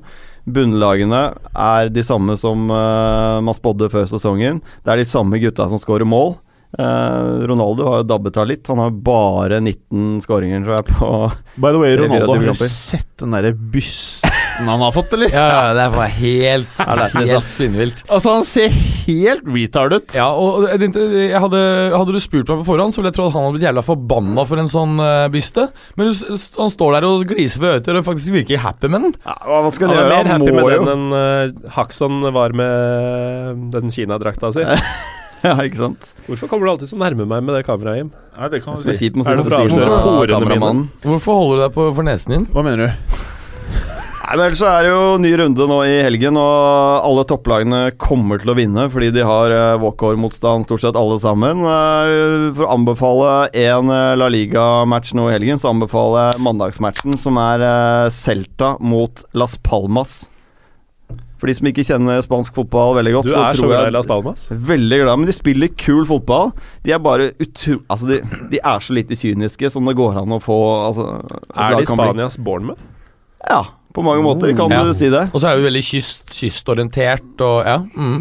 Ja, det er mye kule spillertyper, men eh, de mangler jo fullstendig kynismen til å ta et steg opp. Det, det må de få på plass. Men jeg tror matchen kommer til å bli kul. Celta spiller kul fotball. Mm. Jeg tror det blir en ganske morsom match, altså. Hvordan har han gjort det, han eh, karen som ikke var så suksess i Paris? Hesse? Ja. Nei, jeg syns ikke han har vært bra. De matchene jeg har sett han, så ser det ut som han har stagnert som spiller etter kneskaden, dessverre. Um, bommet på mye sjanser. Han ser egentlig ganske middelmådig ut. Uh, Han startet en del matcher på benken også for Las Palmas. Så det, det ser ikke så bra ut for Hesse, faktisk. Og det er synd. Jeg håper ikke den kneskaden har ødelagt alt for han. Ja, fordi før, eh, før den kneskaden så ratet jeg han faktisk Det var jo han og Morata som var liksom de to hotte Ja. eh, Cantera-spillerne i, i Real Madrid. Der ratet han kanskje enda over eh, Ja, faktisk klart over eh, Morata. Men Han var i eh, ferd med å nesten spille seg inn på laget, Ja, altså ja, sånn mer eller mindre. Ja. Ja. Altså, det var Han var så ut som det, det kom, til å eksplodere, men det har jo gått helt til helvete. Ja. Nei, han ser uh, tapt mye, altså. Ja, det er veldig trist, faktisk. Ja. Litt sånn som uh, Ødegaard også ser ut som har stagnert. Gjør ikke det? Ja, han uh, kom seg jo til Madrid der en periode, da. Så han har jo Altså Det ser ut som et gigantisk feilskjær At ikke han ble én sesong til, og, to, ikke sant? og så gikk til Ajax eller Bayern eller noe sånt, som er flinke med talenter. Det er jo helt uh, Så jeg synes vi skal sammenligne alder og sånn. Altså Mbappé i Monaco er yngre. Ja. Ja, Ikke sant? Det, altså- det er noe med det at, at han var så ung, men Ja. nå er han ikke så ung. Han er fortsatt ung, men er ikke Ja. så ung lenger. Så Nå er han ikke freakishly god for alderen lenger. Nei. det det, Det, skulle han jo helst ha vært. Ja. Nei, altså, Ideelt sett for mm. norsk fotball, i hvert fall. Ja. Men det er veldig interessant der, for at de spillerne som er veldig gode i den alderen, er ikke alt Det er jo veldig sjelden, faktisk. Altså Det er litt spesielt med Messi, som på en måte var så god som 18-åring at han bare boostet videre, men det er jo veldig veldig ofte du ser at de, de stagnerer. Altså Vi husker jo alle Freddy Adu. Men det, det virker jo ikke som om vi tar høyde for at det samme kan gjelde keepere. Eh, nå har vi jo tatt det for gitt i hele episoden at eh, Donnarumma faktisk tar de stegene som forventes. Ja, men han jo- har vært halvannet år da på og spilt altså, ja, på toppen. Men nå måte. begynner han å bli så gammel at kompisgjengen eh, kommer til å være litt sånn der fylle-entourage og sånn, og kommer til å henge rundt han og dra han med på dårlige aktiviteter. Men det er et eller annet med fysikken til Donnarumma som tilsier at det blir ikke helt krise. Det er ikke Nei. sikkert han blir Gigi Buffon. Uh, det tror jeg egentlig ikke han blir heller. Um, men det er noe med fysikken der. Han har alle forutsetninger da, for å bli uh, en toppkeeper. Mm. Bra. Uh, føler at det er noe mer om eh, La Liga, Prepsi. Nei, egentlig ikke. Ok. Men når, når det gjelder gjennombrudd, har vi snakket ordentlig om um, om eh, altså, eh, disse gutta i, eh, i Frankrike. Altså Mbappe, Bakayoko. Jeg syns også at Adrian Adrien Rabiot har tatt store steg denne sesongen. Ja, var det bra? Mm. Ja, fortsatt Spilt seg fast inn. Ikke sant? Det fortsatt litt ujevn noen ganger, men på sitt beste syns han er fantastisk. Dessuten jeg er det interessant å se at for at Opprinnelig så var han mer en nummer ti-spiller, mens nå spiller han noe dypere i banen. Det er mitt inntrykk, er ikke det riktig? Jo, det stemmer det. Han Mm. uh, har vel i praksis, uh, merkelig nok, tatt plassen til Matuidi. Mm. Sånn, jeg føler at trioen der, når eh, PSG føler at de topper, eh, i all hovedsak er Verratti, Motta og Rabiot. Ja. At Motta greier å holde Matuidi ute, syns jeg er rart. For han begynner å bli gammel. ass. Men det har noe med Spillertypen. ja, spillertypen at de trenger en balanserende Altså Matuidi er for glad i å ta de offensive løpene inn i motstanderens boks. Mm. Og Jeg tror de bare må ha den spillertypen. Men Rabiot er en av de deilige midtbanespilleren å se Mm. på, med sånn silkemykt mottak og ja, nydelige spillere å se på. Mm. Nei, altså For Matuidis eh, karriere så hadde han nok gjort lurt i å si ja til Juve eh, i sommer. Ja, det tror jeg også. de- Eh, ja. En spiller som Mm. kanskje må videre, tenker jeg, for å Mm. ta enda et lite steg videre. Ville vært både bra for Juve og bra for Matuidi, har Ja. det vist seg. Ja. Jeg, for min del eh, er jo Matuidi omtrent den første jeg ville tatt ut om jeg var Unai Emery, Mm. men han tenker annerledes. Så jeg skjønner han jo, når man ser hvordan Rabiot har gjort det. Eh, en annen som har skuffet oss veldig, hvis vi skal snakke om andre veien, det må det være han Blasikovskij, er det han heter? Blachikov Ja, Kuba? Wasjikovskij? Hvordan uttaler det Det er Cuba, Kuba, det. Du tenker er på det Krikoviak, du. Krykowiak, ja. Krykowiak, ja. ja. Ja. Krykowiak, helt riktig. Han polakken som be på sine knær for å få spille for B-laget til PSG. Ja, jeg tenker det sier litt om Emery da, og hans øh, mentalitet. At han henter en sånn type spiller til PSG. da Mm. Eh, Han tenkte han vel kanskje som en backup arvtaker til Motta, men jeg føler ikke at han er god nok med ballen til å spille i et lag som PSG. Som Ja, tross alt styrer 95% av kampene de spiller. Det er noen Motta har jo tross alt gått eh, Barcelona-skolen. ja, Mm. Og har jo, til tross for høyde og litt sånn tilsynelatende keitethet, eh, veldig god ballkontroll. ja, Mm. og overblikk, ikke Mm. minst. Og plasseringsevne. Apropos keitethet, en liten sånn digresjon. Hvilke spillere som på en måte ikke har forutsetninger å være keitete og litt rare, har blitt best? Jeg vil putte han Diego um, Spissen som skårte så mye for Inter eh, på, da de vant Champions League. Milito. Milito. Milito. Milito. Ja, Milito. Milito. Han var sånn som Det var noe rart med han, men han skårte og presterte likevel. Og så har han eh, en av de deiligste spillerne ever, Juan Rikelme, han kunne nesten ikke gå. Han var jo så lite Altså, han, atletisk han, at eh, han bare jogga ut. Han hadde ett gir. Det funka som bare det. Ett gir, og det var lunting. Ja. ja, ja, ja. Det er litt sånn som John Barnes de siste åra, da han fortsatt spilte fast på Liverpool. Da han hadde blitt sentral midtbanespiller og aldri forlot uh, den ringen på, Han på tok midtbanen. liksom Mulby-rollen helt til, det, til seg. Mm. Mm. ja, ja. Det er faktisk litt lættis. Eh, noe annet eh, vi skal si om eh, Ligue Ø i forhold til disse talentene, eller er du fornøyd? Nei, vi var jo egentlig ferdig med liga, men uh, Mbappé og Bakayoka har jo vi snakka mye om i Champions League-segmentene våre, og det Mm. kommer vi til å gjøre også når de møter Dortmund, så vi kan jo egentlig gå videre. Det jeg bare tenkte du skulle spørre om eh, PSG, har de noen sånne talenter vi ikke er klar over? Som er up and coming, som ikke er uh, kjøpt, liksom? I så fall så er vel ikke jeg klar over dem heller, men du har jo han eh, Presnell Kimpembe, Ja. i- han midtstopperen, som, uh, Som av og til spiller uh, også litt back, eller? Ja, han eh, kan fort eh, være mer eller mindre eh, fast eh, neste sesong, tenker jeg. Han har allerede spilt mye og har vist at han takler begge de posisjonene. Mm. Syns han er dritbra. Han er dritbra. Eh, ja, så det er vel uh, hovedsakelig han. Det som også er litt spesielt, er på det brasilianske landslaget nå, så er det jo Marquinhos som spiller, og uh, Thiago er på benken. Det er litt eh, spennende. Markin Mm. Marquinhos og Miranda er okay. Ok. blitt det faste stoppeparet til uh, Brasil nå. Så jeg ikke husker helt gærlig. Det er helt sykt, da. Er det ikke det? Og Ja, det er jo en periode hvor det. Brasil moser alle de kommer over. Ja, men da tenker jeg de muligens har en ganske dyktig trener, som uh, les, altså tar ut lag basert på mer enn ferdigheter, og, eh, eller ja, individuelle ferdigheter, da, og mer komplementerer laget. Det kan jo være noe med holdninger, stjernenykker osv. som ikke vi kjenner til. Mm. Bra. Uh, Gallosen, la oss runde av med Bundesliga. Endelig. Endelig, kan folk si, da. Den pleier å komme uh, først. Kom til sist. Vi lurer jo veldig på hvem som skal ta seriegull her. Ja, det er uh, knytta stor spenning rundt det. Ja, det skjønner jeg. Nei, som eh, fotballuka eh, meget originalt tippa i høst, så har jo Bayern München vunnet eh, lenge før ligaen er over. Å, sier du det? Ja, leder vel med tosifra antall poeng, og um, laget på andreplass, Leipzig, de har slitt etter vinterferien, faktisk. De har uh, tapt fire av de ni kampene som har gått siden uh, vinterpausen, og nå tror jeg faktisk at Dortmund tar dem igjen og tar den andreplassen som de har uh, holdt på å si patent på. Eh, men så er det også at Hoffenheim eh, har eh, bare fire poeng opp til Leipzig nå, og de taper aldri. De har De er to fete, tap i ligaen så langt. Digger du ikke at de har en trener som er eh, yngre enn spillerne? Han er yngre enn alle oss. Ja, ja. Og yngre enn flere av er spillerne. 8 og 29 eller noe sånt? 29. Ja. Men Leipzig har jo slukna nå, da. Ja, de har jo det. Og um, det at de har slukna såpass, at det er et ungt lag, at de ikke har rutinen på dette nivået uh, Og at nå er det litt sånn at Dortmund går litt på autopilot og bare moser inn de poenga de trenger. Men jeg lurer nesten på om ikke Hoffenheim kan ta fra Leipzig tredjeplassen også. Uh, det er bare Bayern Bayern har tapt én kamp. Det er det eneste laget som har tapt færre enn Hoffenheim. De spiller altfor mye uavgjort, men eh, at det er disse fire lagene som får eh, Champions League, eller da fjerdeplassen i kvalifisering, er jeg ganske sikker på. Nå er det et møte mellom Hertha Berlin og Hoffenheim på fredag, eh, eller i dag, om lytterne hører på det fredag morgen. eh, hvor Hertha ligger eh, fem poeng bak Hoffenheim. Det er deres siste sjanse til å melde seg tilbake inn i CL-striden.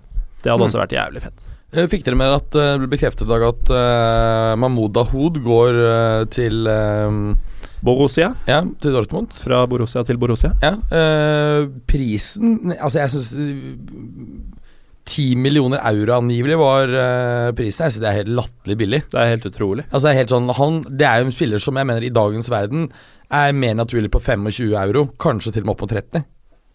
Ja, det er jo det at han ikke har uh, gjort noe særlig ut av seg på et annet nivå enn uh, Bundesliga. Uh, og så har det jo også vist seg at sånn som Granit Xhaka, som dominerte ligaen i fjor, har jo ikke vist seg verdt pengene som Arsenal betalte. Så det har vel kanskje svekka um, forhandlingskraften til uh, Mönchengladbach. Det tror jeg, for de var spekulert i priser på 25-30 i sommer. Da var han jo linka til Tottenham, blant annet. Ja. Så, men det er jo sånn sikkert som du sier, altså at, det at Xhaka ikke har fått det til i Premier League, har gjort at de kjøpesterke engelske klubbene holder seg unna. Å, nå fikk jeg melding av en dame. Fett. Hva skrev hun da? Lørdag blir bra, og så smiley. Nå skal dere også i hundreårsteltet 100-årsteltet til Lillestrøm? Det var en liten digresjon. En liten digresjon. Eh, mer fra Bundesliga-goalsen, som kanskje går på eh, eh, folk eller lag som har overrasket deg veldig positivt negativt, som vi ikke har vært innom. Man kan nesten ramse opp alle. Oh, ja. Eh, Bundesliga er helt magisk, selv om gullet er utdelt. Eh, Borussia Dortmund, tross den sannsynlige andreplassen, sånn jeg ser det, er milevis bak det jeg håpa å se av dem. Uh, I tillegg til disse og Bayern, så er det da Leipzig, Hoffenheim, Hertha og Köln som utgjør topp seks akkurat nå. Alle disse fire er store overraskelser. Og det fører jo til at uh, nesten alle de andre store er tilsvarende negative overraskelser. Du har eh, på rekke og rad Schalke på niendeplass. Gladbach på tiende, Leverkosen 11. Mainz, eh, for så vidt ikke et storlag på samme måte, men tippa langt høyere på tabellen, ligger på tolvte. Dette var alle topp fire-kandidater før sesongen. Så det er massevis av både positive og negative overraskelser. Eh, og så er det jo også mm, stor spenning i bunnstriden nå. For du har eh, Ingolstadt og Darmstadt, de er ferdig. Men fra Hamburg på 16., som da gir kvalik, til Mainz på 12., så skiller det bare to poeng. Mm. Og Schalke på niende er ikke langt foran disse heller. Så det er veldig mange lag som er, fortsatt er i faresonen. Og eh, både Hamburg og Verde Bremen spesielt, som så fortapt ut for ikke så lenge siden, de har skjerpa seg skikkelig. Så en del av disse egentlig trygge middelhavsfarerne, de må ta seg skikkelig sammen nå. Men hva er greia egentlig med HSV? For det er en ganske stor klubb, egentlig. Altså, En av de største. Ja, ikke sant. De, de, har egentlig ganske stor økonomi. Altså, det er en klubb som egentlig skal være med å kjempe om Champions League-plasser. Og de har vært der De har vært liksom der nede og kødda så lenge. Hva faen er galt der? Nei, det er vanskelig å vite hvor man skal begynne, egentlig. For det er eh, Det er noen klubber rundt i verden som bare hver gang de får et valg å ta Altså, Du kan si at Hamburg er fotballens George Costanza, da. Men de har foreløpig ikke funnet ut at hvert eneste valg de har tatt i løpet av livet sitt, har vært feil. det System, Så- bare systematisk feil. Når du har to veier å gå, så går de alltid Ja, feil, liksom. Ja. Så den dagen de slutter å følge instinktet sitt og går motsatt vei av det de egentlig tenker, Mm. da kommer Hamburg til å få suksess. Eller gjøre en analyse, ikke bare følger, uh, drive med føleri, da. Nei, nei, er de kan kan drive med følgeri, bare gå motsatt vei av der føleriet egentlig tar dem. Ja, ok. Ja. Mm. Det, Sunderland også kunne tatt, en, uh, tatt lærdom av det. Mm. Det er Wolfsburg her òg, som er to poeng over Mm. streken nå. Som uh, kom langt i Champions League i fjor. Og holdt nesten på å slå ut Real Madrid. I Wolfsburg så det Det har jo vært en krise i Volkswagen som Ja. jo har gått kraftig utover dem. eh, og der har det jo enda et stort aber med å være et uh, møkkalag bygga på plastikk og eh, corporate money. Men uh, Det er jo nesten alle klubbene i Tyskland, er ikke bygget på corporate money? Ja, det er jo flere enn man eh, dessverre skulle ønske, men der var det jo rett og slett et kutt i sportslig satsing. Ikke nødvendigvis fra Wolfsburgs side, men Nei. fra Volkswagen. Uh, og da blir det sånn. Og det var, det var de- dieselskandalen, sant? Utslippsskandalen. Mm. Ja. Uh, og så var det jo noe rart som skjedde i vintervinduet. Da henta de jo inn masse spennende spillere fra forskjellige europeiske ligaer, og så ut til å ha begynt en ny satsing. Eh, ungt og lovende, og kanskje dette var en måte å tjene penger på i framtida, men det skal også bygge uh, laget opp til, uh, om ikke fordom store, det er lenge til vi ser dem som ligamester igjen, for å si det sånn. Men det så ut til at det var et oppsving da, i desember-januar, da disse spillerne kom inn, men det har jo ikke kommet. Og nå Av de lagene som, som kan havne på kvalik, så vil jo vil det glede meg veldig, eh, hvis man kan være litt usaklig her, om eh, nettopp plastikklubben eh, fra Volkswagen-byen skulle komme på den. Og gjerne møte Union Berlin Men- tape. Men en, en ting jeg lurte på, fordi at um, eh, RB Leipzig eh, De må jo kalle seg RB Leipzig, ikke Red Bull Leipzig, fordi det ikke er lov å ha et uh, selskapsnavn. Ja, ikke de sant? heter jo ikke Red Bull Leipzig. Nei, ikke sant? De heter, det heter RB, ja. Men, men, men Er Bayer fælt? Leverkosen har jo navnet til selskapet Bayer. Mm. Og er jo eid av dem, eller iallfall de er 49 eller noe sånt. De er stifta i 1904, og det er lenge før Bundesliga ble etablert med sine eierskapsregler og den type Ah, ting. nettopp, så det er bare at ikke de reglene er tilbakevirkende kraft, ikke sant. Mm. Ja, greit, da skjønner jeg. Aha! Meget bra, meget bra. Går filmingen bra, eller? Bortpå der? Eh, ja, vi har. Ja, vi begynner å få, uh, få mye sånne her uh, hjerter, vet du. Det blir mye hjerter. Ja. Uh, hva var det jeg skulle si her nå? Eh, er det noe siste om Bundesliga? For nå må vi snart videre her. Ja, eh, Det som egentlig er en ganske fet kamp, er jo Bayern-derbyet på lørdag klokka 15.30 mellom eh, Bayern München og Augsburg. Mm. Eh, det drukner jo fullstendig, fordi på samme tid så går revirderby mellom Schalke og Dortmund. Den må alle se. Det er et av Europas aller feteste Fortell. lokaloppgjør. Fortell i kamera hvorfor man skal se på det. Fordi du har eh, to av de klubbene i Europa med eh, størst stadioner eh, som alltid er fulle. Eh, dritfete supportere på begge sider, og to enorme klubber med egentlig ganske gode og fete lag, selv om Schalke spesielt og Dortmund til en viss grad har underprestert denne sesongen. Det kommer til å bli blod, svette og øl. Og pyro. Og pyro. Nei, faen! Der lurte du oss. Der lurte du oss uh, godt. Skal vi gå over på Premier League, Premier League folkens? Uh, Berger, du har jo fått æren av å gå gjennom eh, det som vel eh, må sies på papiret å være storoppgjøret, eller? Ja, det vil jeg absolutt si. Arsenal eh, City, to av de lagene som spiller fetest fotball. Eh, begge har jo skuffet litt. Vi hadde kanskje forventet noe mer av, av City, selv om vi hadde helt fra starten av Chelsea som eh, vår tittelfavoritt. Arsenal kom jo inn her med en latterlig dårlig formkurve. Altså Vi snakker fire tap på siste fem matcher. Eh, har jo selvfølgelig hjemmefordelen her. Eh, har bare tapt én av 19 tidligere Premier League-møter eh, mot Eller siste 19 av, mot, eh, mot Sydney. Vunnet 12 og 6 uavgjort. Og eh, City er ute etter å vinne mot Arsenal for eh, andre gang i en og samme sesong. For første gang på 31, unnskyld, 41 år. Jeg, jeg syns det er utgangspunktet er eh, litt Altså, jeg utgangspunktet tenke, tenke at City tar det, altså. Men øh, vi, vi, vet jo det, det har vi sagt tidligere, selv om de riktignok nå har en ganske lang periode med dårlig eh, form. Så Arsenal går liksom aldri ordentlig down the drain.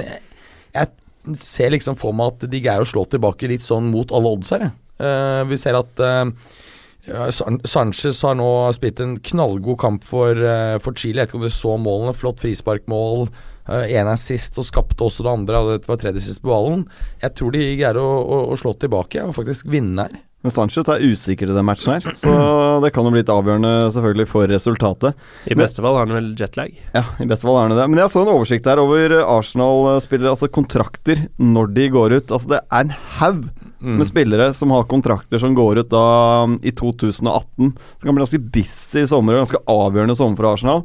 Nå spilles som Aaron Ramsey, uh, Sanchez, Özil selvfølgelig, men det er også Chamberlain, uh, Jack Wilshere Stetchny er jo ikke der, men Santi Casola, uh, Kieran Gibbs, Per Mertesaker Altså, det er mange av de som er stammen i laget, som har kontrakter som må reforhandles nå i sommer. Fort gjort at ganske mange av de forsvinner, altså. Ja, altså det, de, de har er jo en situasjon hvor de egentlig må gjenoppbygge stallen sin litt. Ja, for dette kan jo være ja. det du ville kalt en blessing in disguise. Uh, de har jo en uh, Ja, for det er mye spillere som ikke har vinnermentalitet der. Som Ja, det er jo en uh, kultur for tredje- og fjerdeplasser, Ja. uh, egentlig. Ja. Uh, og den Og det er mange av de jeg mener bør stikke. Ja. Altså Oxlade Chamberlain mener jeg bør bytte klubb for å få ta et nytt steg i karrieren. mm. Uh, Aaron Ramsey er en annen en, som jeg også føler har stagnert veldig etter en kjempesesong. Var blitt nå to år siden, Ja. hvor han var helt To-tre år fantastisk. siden. Mm. Uh, vi nevner også at Czech er jo antagelig ute i den matchen her. Og uh, svogeren til Hames Rodriguez Han er jo litt usikker bak der. Dere visste det for det er broren til dama hans? Og Nei, David, Os- David Ospina er broren til uh, kona til Hames. Oi. Ja, ja. Jaha, Men jaha. uh, han er jo uh, Nå har jo um, Colombia greid å skvise ut et par seire i uh, landslagspausen. Um, men Ospina vet vi at der kan jo alt skje. Ja, men det er jo ikke kødd. Ja, ja. Altså, det er jo uh, Fra at han kan noen ganger være, være ordentlig bra, men det er, det er jo sånn der eh, Kast en terning, altså. Noe av det beste keeperspillet jeg har sett denne sesongen, var han mot PSG i gruppespillet. Ja, ikke sant? Og så har han noen ganger hvor han bare er helt crap og er skyld i eh, store deler av, eh, av målene. Men Arsenal er jo i forferdelig form nå. Det er fire tap på siste fem. Og det er, jeg, jeg kan nesten ikke huske altså, at jeg har sett Arsenal så svake som de er for øyeblikket. Nei, men Fant ikke ut til at de har den dårligste formkurven eh, på 20 år, da? Eller Ja, sånn? Ja, ja. 21-21 år. Ja, siden, ja Dårligste under Wenger omtrent, dette her, altså. Ja. Så det er uh, Men vi- vi- hvis de, ikke, vi- hvis de ikke vinner den her, da begynner jeg å helle mot at uh, Liverpool greier å få Champions League. Fordi hvis du ser Liverpools kampprogram inn nå Greit, de har et par kamper mot lag som er i nedry- nedrykksstriden, men ganske mange av matchene er mot mid-table clubs, som begynner å få mindre og mindre og mindre å spille for. altså, Taper Arsenal den her, så er de ti poeng bak Manchester City, da. På en eh, sannsynligvis tredjeplass. Da. Mm, mm. Og Så City da- har jo ikke hatt noen uh, fantastisk sesong, de heller. Nei, de har ikke det. Så da begynner det å bli veldig langt opp, Ja. rett og slett. Og, Og, det er eh, ikke så mange matcher igjen å gjøre det på. Nei, og United virker å være i bedre shape til å eh, kjempe mot Liverpool uh, om den fjerdeplassen. Bra. Men eh, det var jo en her i studio som ganske nylig eh, spådde Arsenal på andreplass. Jeg vet ikke om det Fortsatt skje. Hvem var det, da? Jeg zoomer litt inn på deg. Impi. Nei, jeg vet ikke hvem det er! Jeg husker ikke helt det. Jeg zooma inn på han det var, jeg. Ja, jeg mener du at det er meg? Det var vel fort. Eh, vet du hva, jeg tror fortsatt det blir Champions League, i hvert fall. Ja. Øh. Gallosen. Mm. Manchester United mot uh, West Brom. Ja. You think about the match? Nei, skal du ta over kameraet? Kanskje litt? Ja. Nei, det er jo uh, i utgangspunktet Selv om United de siste åra har vært noe helt annet enn det United eh, man tenker det skal være, så klarer jeg ikke helt å shake den følelsen av at når man ser United West Brom på tippekupongen eller på hva det skulle være, så tenker man jo 4-0. Eh, Mm. Men faktum er jo at West Brom har vunnet to av de tre siste på Old Trafford. Um, og da også viser det seg laget som oftest løper mer enn motstanderen, West Brom, mot laget som oftest løper mindre enn motstanderen, eh, United. United trenger å få opp intensiteten for å, for å ta dette her. Det blir alt annet enn en lett kamp, det veit vi jo. Eh, og United må også, i tillegg til intensitet, få opp treffsikkerheten, for de har 9,1 av eh, av uh, avslutningene deres blir scoring. Det er det verste uttellinga de har hatt siden 04-05. Og eh, de har jo egentlig bare én mann som scorer også, så det blir en mye tettere kamp enn man eh, kanskje tror.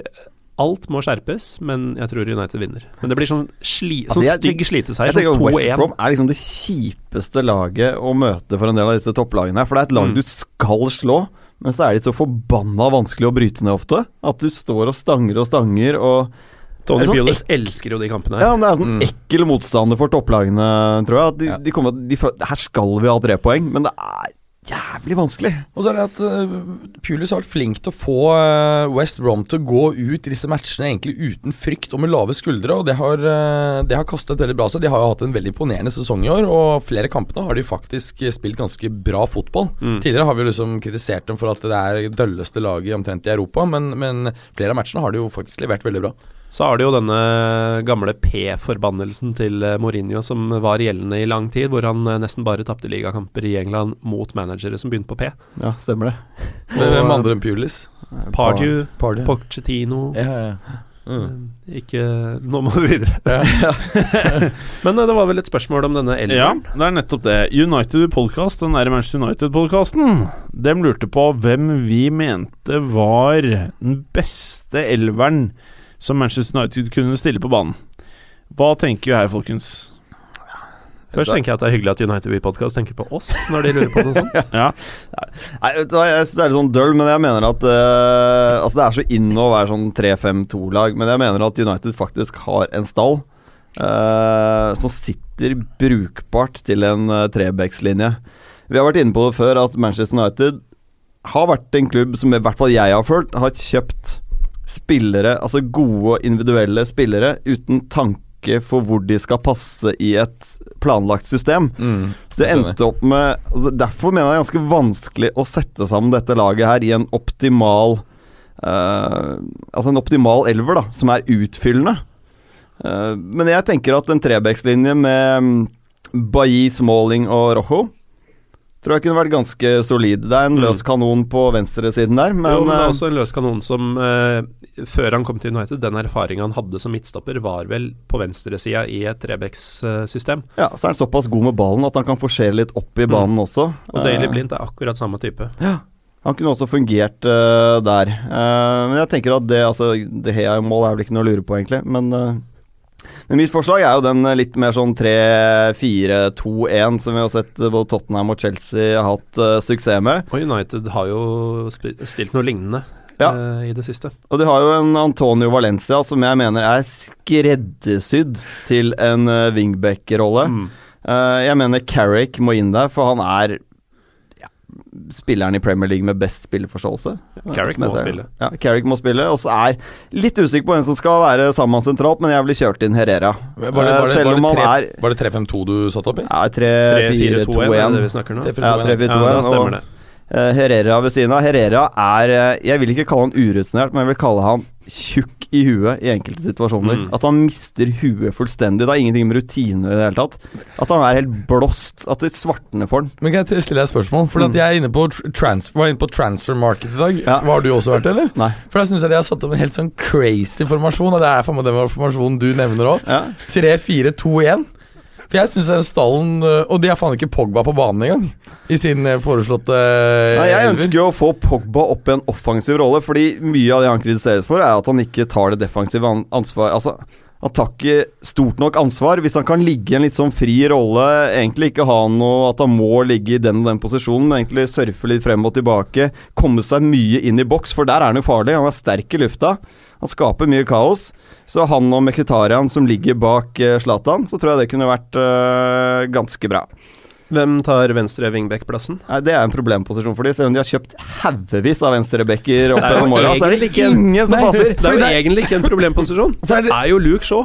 Han er jo like skreddersydd på den som Valencia Jeg er på høyre. Jeg er helt enig, er men jeg ville faktisk valgt eh, blindt foran. Jeg, for der er, jeg, der er jeg faktisk ikke satt opp noen, for jeg, er satt, jeg mener at de burde spille 4-3-3 for å få mest ut av Pogba. Da, da har jeg De Hea bak. Ingenting på venstre, for det er venstrebekk. Jeg er usikker, så jeg har skrevet et stygt ord. Um, nei, sant? Og så har jeg Bailly og Smalling, Valencia. Så er Pogba på, som venstre indre løper. Carrick i midten og Herrera på høyre. Så er Martial på venstre ving. Mkhitarian på høyre og Zlatan i midten. Det, og det, det er en ganske bra uh, elver uh, i min bok, altså. Det er det, men det er ikke den beste de kan stille. Ja, men jeg er sånn Juan Mata, fantastisk fotballspiller. Jeg liker han veldig godt, men jeg klarer ikke presse han inn i en eh, Manchester United-elver. Nei, samme meg også. Hvor skal du bruke en Juan Mata? Ja, Jeg jeg er jo ikke mer heller. konvensjonell, så Ja. jeg satte i utgangspunktet opp i 4-3-3, fordi jeg vil sette Herrera og Pogba som indreløpere, Ja, med samme jeg òg. Mm. Eh, og da får jeg plass til Mata. Hvor da? På eh, en av disse to tilbaketrukne wing, eh, offensiv midtbane, angrepsspiller Litt sånn der udefinerbart. Ja, Men vil du ikke ha med Mkhitarian og Martial? Uh, Martial havner ute av laget da. Da har jeg Mata på høyre og Mkhitarian okay, ja, på venstre. ja, Jeg mener ikke at Martial er god nok. Jeg, jeg mener at han altså, det er- skaper altfor lite. Han er for liten trussel. Ja, nei, det er eh, dyre åtte millioner. Men dette satte jeg opp eh, da vi først fikk spørsmålet, og før jeg hørte Prebens resonnement. Ja. Eh, Jim, du veit jo åssen det er. Når Preben sier noe, så blir man jo enig. Man blir enig. Men altså, Hvorfor har ikke United prøvd også å hente han der eh, sportsdirektøren til eh, Sevilla? De hadde jo tre- trengt litt uh, cash management. Han tenker for langsiktig. Ja. Det er problemet. ja, ja, ja. Det funker ikke. Jo, men han har jo, han er jo, har jo de har gjort kjøp så de har flippa videre ganske fort for høye summer. Altså, det er jo, ja. Ja, ja. Ja, definitivt. De liker kanskje ikke med at det har gått 200 millioner i pluss på ti år. For United er, Det er ikke så interessert i å tjene penger på spillelogistikk. De skal vinne titler på spillelogistikk, de. Jeg tror de, Hvis du spør de eierne, så tror jeg de har vært ganske kine på at det Ja, men eierne Det er ikke de som bestemmer, holdt jeg på å si. Nei, det er han derre gærne regnskapsføreren som er flink til å lage kommersielle avtaler. Ja, det er sikkert mange som lurer på Rashford, da. Men jeg mener at han ikke er god nok til å starte for United foreløpig. Jeg mener han er for uh, Hva skal vi kalle det Han må lære seg flere sider av spillet, da, for at han kan starte en match. Han er veldig Mm. god når han kommer inn mot slitne motstandere og han kan bruke farta si. Men jeg Ja. føler at han er litt mer sånn Han går rett på, da, med Mm. å se rett ned i bakken. At han må få blikket litt for å kunne spille starte for United. Både han og Martial har jo åpenbart noe spesielt i seg, men eh, Rashford er åpenbart uferdig. Uh, men Martial så er jeg mer bekymra, for han så mye bedre ut for en sesong siden. Ja, Helt enig. Eh, Det som faktisk har blitt dårligere. Ja, det er jo ikke det United betalte 600 millioner euro for. Nei. Nei. For han- Euro? 600 millioner euro? Mm. Jeg overdriver, Jim. Nei, så Nå er vel ikke summen gått opp til 80, men det har vel begynt. Det var jo 50 initielt, ikke sant? og så kan det stige til 80. Men de har allerede nå måttet begynne, for, at, for nå er det flere av disse klausene som har begynt å kicke inn. Så jeg tror det er oppe i 60-65 allerede. Er, eh, Han får ikke spille mer, han. nei, nei. Men eh, nei, altså mm, Han kan være en sånn spiller som ville hatt godt av å gå, faktisk. Ja. Kanskje til Sevilla. Kunne ha vært bra. Mm. Det var dagens United-slakt, var det? Ja. Det er, nå skulle vi jo egentlig prøve å ikke snakke noe negativt om det, men det er vanskelig. Men, men det er noe med hvordan de har satt sammen den stallen. da Det er så mye feil der. Det er litt som første gangen jeg spilte CM, Ja. Uh, eller da det het CM, Ja. Football Manager, Ja. hvor, hvor jeg uh, Du gikk bare til navn. Jeg gikk bare til navn. Ja. Jeg, jeg, jeg, Ja. tror En gang så var jeg i eh, Madrid, og uh, ja, der var det så mye fett på den tiden, sånn 2000-2003. Men du er liksom sånn Florentino Perez, før han skjønte at du må ha en balanserende, dyp midtbanespiller. Men eh, Ja, men eh, Nå er programlederen litt opptatt her med kamera, så de aner ikke hva vi skal gjøre. Nei. Skulle vi videre, videre programmet? det vi skal gjøre nå, Preben Nå skal vi prate litt om nedrykksmatchen. Swansea Millsborough. Ja, For dette kan være kroken på døra for Millsborough. Ja, Og det er det fort. Ja, det er det. Swansea tar jo denne. Ja, Det ja, er ja, det. tror jeg også. Det, jeg tror det kan, altså, det kan fort bli 3-0 der. Mm. Mm. Ja, jeg er helt enig. Og hva er det som står mellom de nå? Det er uh, fem poeng mellom lagene. Det kan nå økes til åtte poeng. Mm. Uh, jeg litt usikker på om Middlesbrough tar åtte poeng til, Ja, nei, faktisk, i sesongen. Det er uh, jeg, føler, jeg, føler de, jeg føler de og Sunderland er bankers nede. Jeg tror jo fortsatt på Hull, men her lukter det jo uh, Lukter jo dobbel Jorente og én Gylfi. Altså Problemet til Borough er at de, de, de scorer jo ikke mål. Altså Det er helt nakent. De snitter 2,4 skudd på mål per kamp. Det er ganske lavt, altså. Mm. Det, er, eh, det er lavest av samtlige i de fem Altså alle de fem største europeiske ligaene. Det er det laveste antallet av alle lag. Eh, det er, eh, det er syltynt. Jeg syns faktisk de så bedre ut med to spisser mot United sist, da de turte å gjøre det siste kvarteret. Mm. Da fikk de lagt litt trøkk på United. Jeg kan si hva du vil om Gersted, han er en ganske begrenset fo uh, fotballspiller. Ja, for der har du jo problemet. Selv om Ja. de skulle skape dette trøkket og sånt nå, så er det jo sånne som han som skal omsette det. Ja. Og da er det jo back to scratch, holdt Ja, jeg på å si. han er en fantastisk hodespiller, men det blir ikke så mye mål ut av det. Men han skaper i hvert fall litt kaos, da. Så De er jo litt avhengig av at Negredo klarer å finne tilbake noe av det han eh, en gang viste for Hvor mange år siden er det han spilte på toppnivå, holdt jeg på å si? Ja, I han hadde jo en kort periode i City hvor han var decent, men Ja. det var jo Sevilla han var eh, bra. Ja. Så Fant så mange bra, sånne ganske gode spillere som har vært inne i Sevilla, altså. Men uh, spanjoler, uh, angrepsspillere fra Spania, som uh, har vært innom City og gjort det ok i starten og bare forsvinner helt. Er det noen som husker Nolito? Ja, når du jeg- sier det sånn, men Ja, han kom jo nå i sommer. Ja. Og han gjorde det ganske bra helt i starten. Ja, Han ble vel spådd her i studio som en av kandidatene til årets flopp. Ja. Og så motbeviste han også en stund, Ja. og nå er han borte. Nå Og. Negredo gjorde vel akkurat det samme, hvis jeg ikke husker ja. helt feil. Han kom inn og skåra en del mål i starten, og så bare daua han. Ja, så har du en eh, altså, Swansea henta jo Borja Baston, som hadde en god sesong i Eibar i fjor. Det har jo ikke akkurat fungert veldig veldig bra. Men altså, Middlesbroughs halmstrå her da, er jo at uh, Swansea har sluppet inn 63 mål i år. Er Ganske sjuke tall, altså. Ja, det det, er er fjerde mest i Premier League-historien etter 29 kamper spilt. Det har vært Vet du hvem helt som har lekk. mest? Nei, det vet jeg ikke. Sunderland et par år, sikkert. som de har klart seg. Aner ikke, altså. Det er eh, Nei, jeg, jeg har vanskelig for å se at Middlesbrough får noe særlig mer ut av denne sesongen, annet enn kanskje en uavgjort her og der uh, på slutten. Uh, jeg tror rett og slett dette er eh, Den matchen her blir kroken på døra. Og at Swansea faktisk, med den seieren de kommer til å få nå i helgen, overlever. Skjønner. Berger. C mot C. Og da mener jeg selvfølgelig Chelsea mot sexy Crystal Palace. Ja, Palace kom jo faktisk inn her med decent shape. Vunnet uh, tre siste matchene, to tap før der. Decent eller bra? Nei, det er jo en ganske Det er en bra form. Uh, Vil du erkjenne det, Morten Gallosen? Jeg anser det som en uh, sterk form. Ja, Vil du også erkjenne det, Preben Det ja, Og det trengte de absolutt, altså. Og hadde ikke kommet i gang nå, altså. Da hadde, men det Allardyce, når han tar over lag, han bruker jo gjerne fire-fem kamper før det gir noe særlige resultater. Men jeg klarer ikke å tro noen. mer på Crystal Palace enn at uh, jeg antar at landslagspausen har most dem. At det gode de hadde på gang, det er bare å rive ned. Det er det som er interessant, fordi vi så jo annet at Christian Benteke skårte to for, uh, for Belgia, og Nei, altså, jeg, jeg tror jo Chelsea tar det. Uh, de, Palace har for øvrig ganske mange spillere som er eh, usikre, eh, og, og ja. Conor Wickham er vel den eneste som er bankers eh, ute. Han er vel ute Mm. til ut sesongen. Stort tap.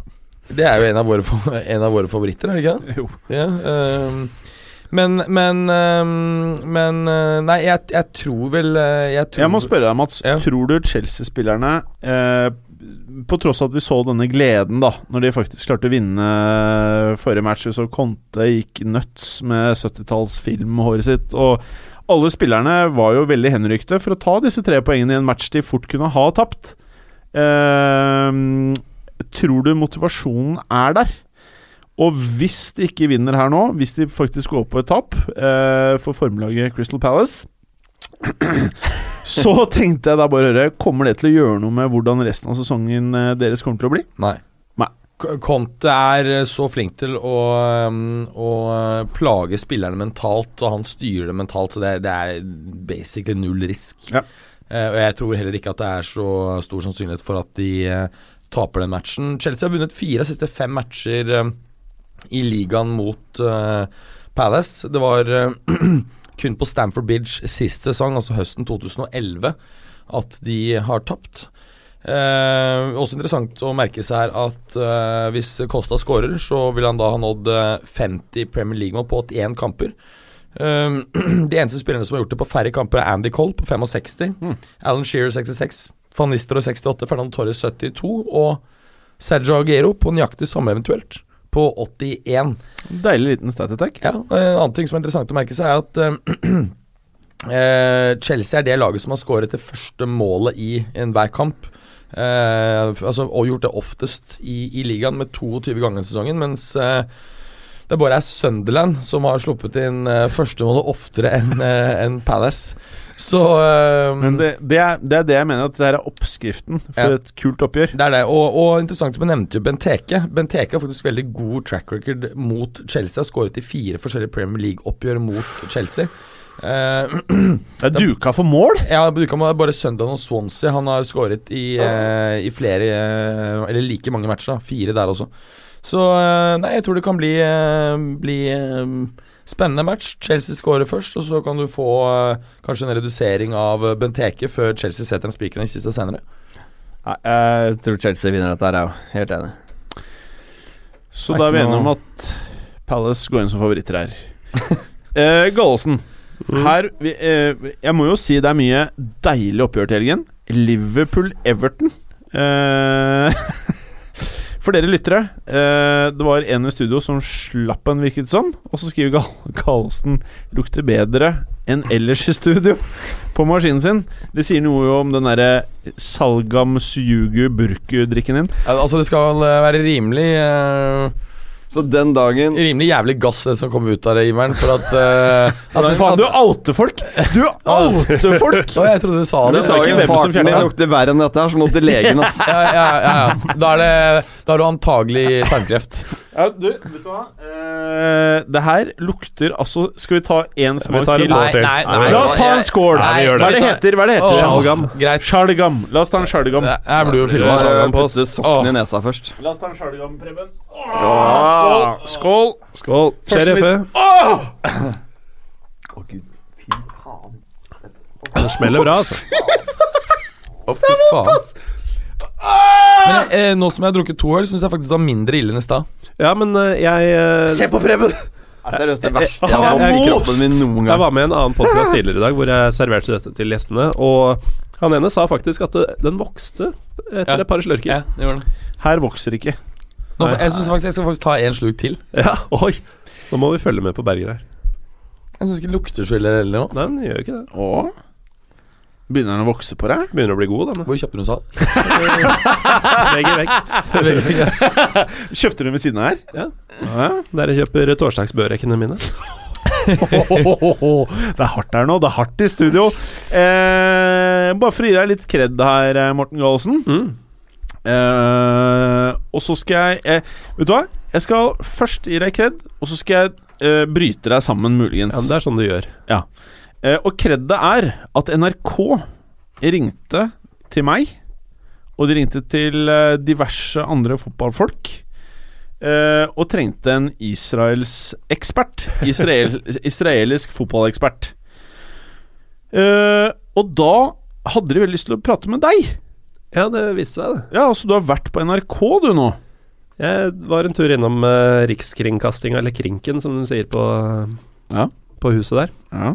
Uh, og snakka litt om uh, Beitar Jerusalem og deres ekstremt uh, nasjonalistiske supportere. Oho.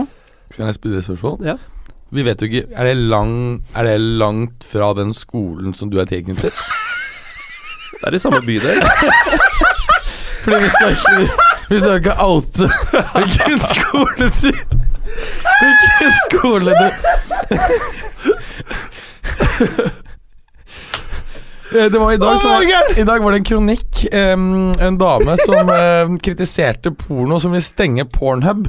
Hun var avbildet utenfor en skole. Dette var i VG.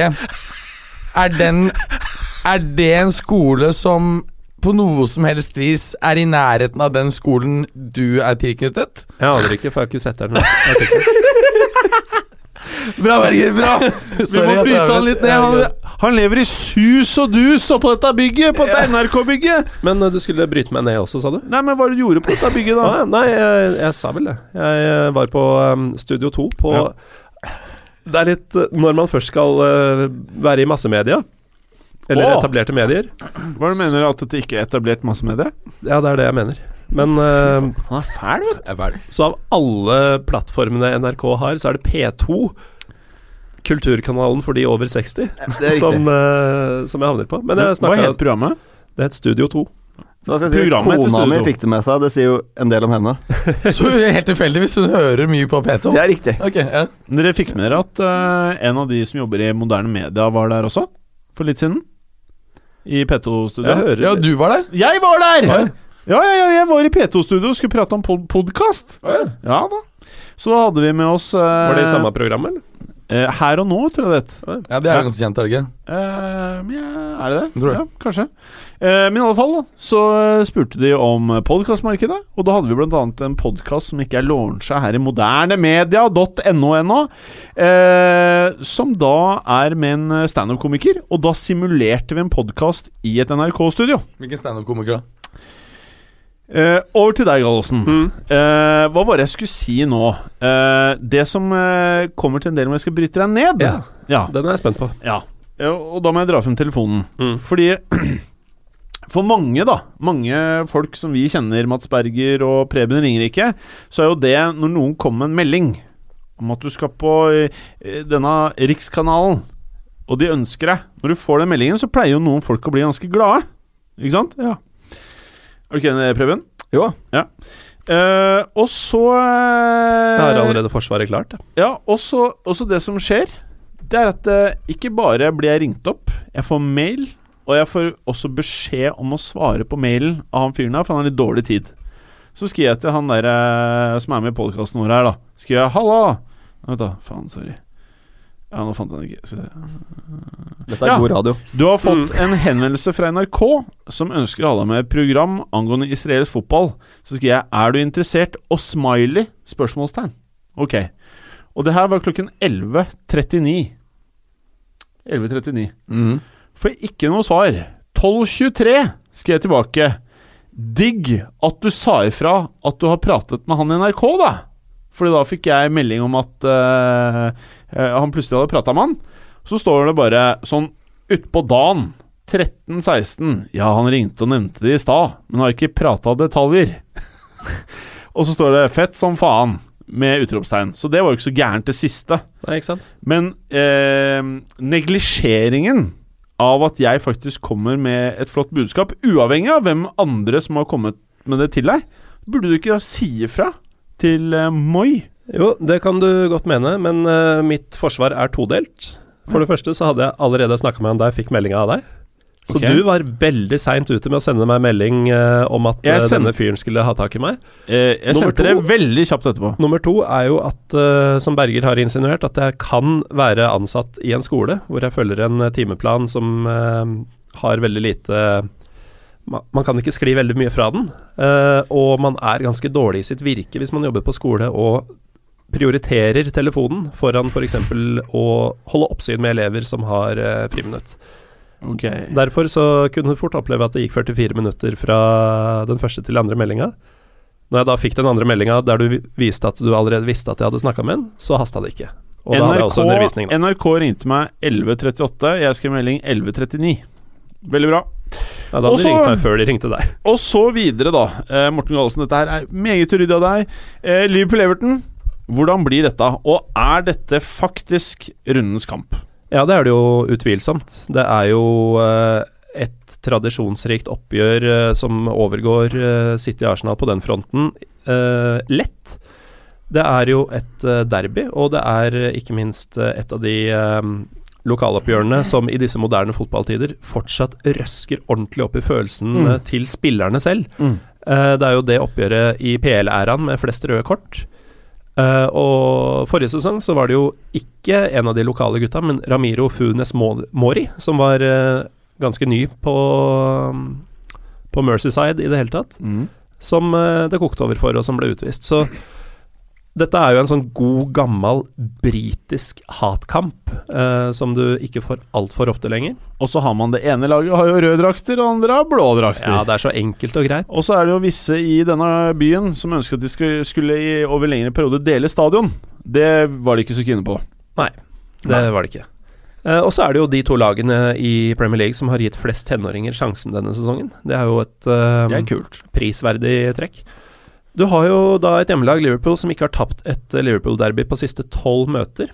Og hvis de unngår tap her, noe jeg antar at de gjør, så vil de tangere tidenes lengste rekke uten tap mot Everton. Den kom på 70-tallet, storhetstida, 72 til 78.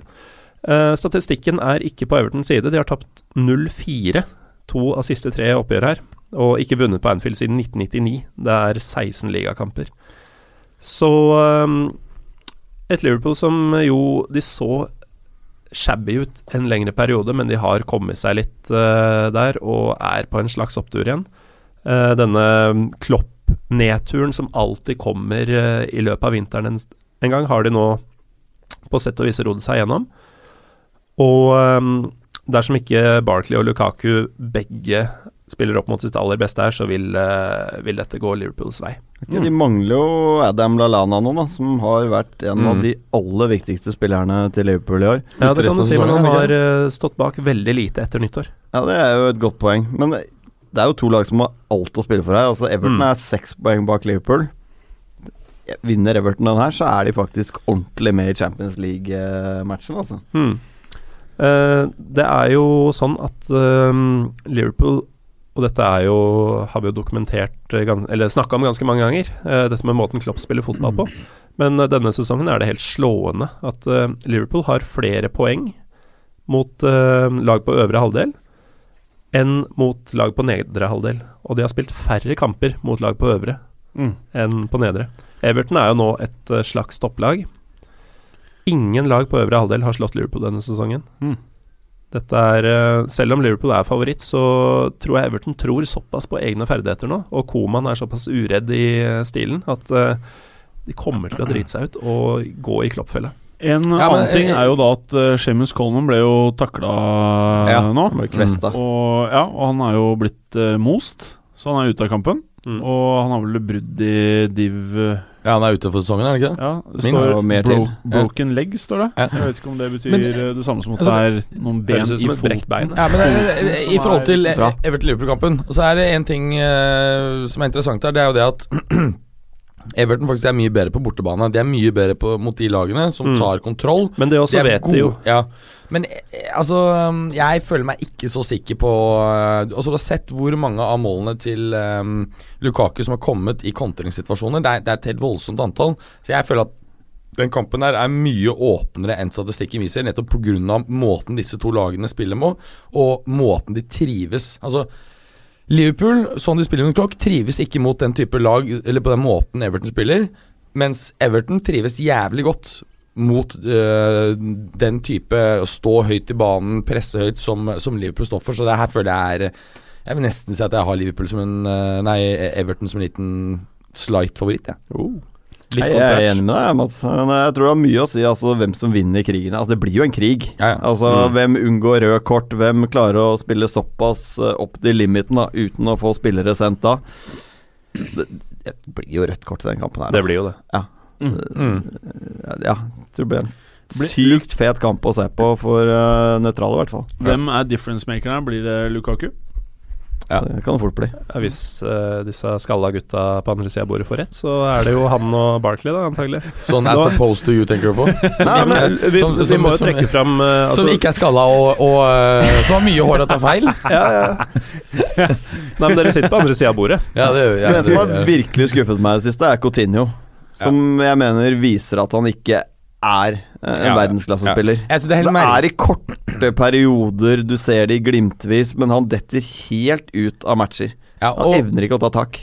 for meg så er det helt sånn uforståelig det der ryktene til Barcelona. Én ting er at han ikke har nivået, men hvor faen skal de putte han? Han er en typisk nummer ti-spiller. De spiller da aldri med nummer, nummer ti.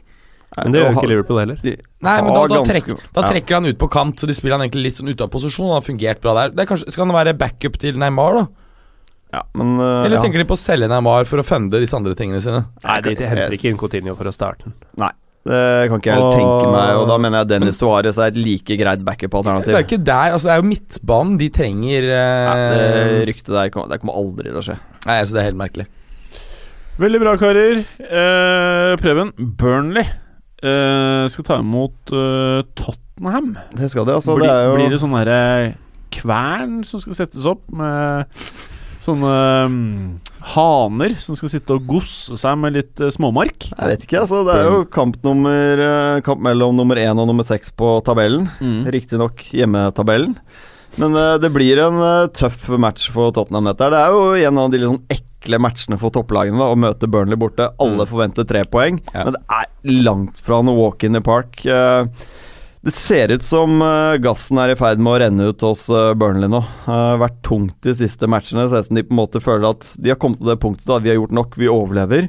Og da er det fort gjort at det detter litt, for det var på en måte det overordnede målet. Syns du har sett liksom litt tendenser da, til at eh, det nå er i ferd med å renne ut for Burnley, at de ikke har mer å gi.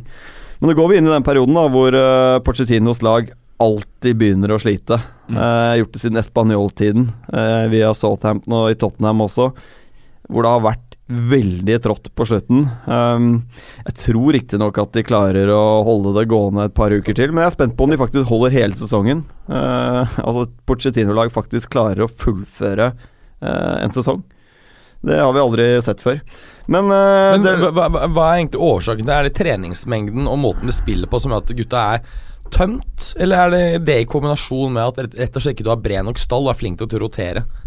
Jeg tror heller det siste. Jeg tror også det, skjønner du. Ja. Ja, fordi de hadde jo et par jævlig gode kjøp i uh, en, fra fra Newcastle og så han Jansen. Det har vært kjempe, kjempe, Nei, altså Problemet deres er at de har tolv tolv mann. Altså De har uh, kanskje én innbytter, eller to innbyttere, da, som kan komme inn og Jeg må fortsatt bare uttrykke Jansen. Det, det kjøpet kan jeg liksom akseptere. Eller det Men er fair. Si- Sissoko som rekordkjøp, det var helt spinnvilt. Og det var Det skulle ikke Du skulle ikke ha Du skulle ikke ha sett mye fotball for å vite at det er en sånn type fyr du får her. Ja, ja. Et toppnivå når motivasjonen er der. Motivasjonen er der når du skal ha ny lønning. Mm. ja, Vanskelig for å se at han er i Tottenham eh, etter den sommerferien her, altså.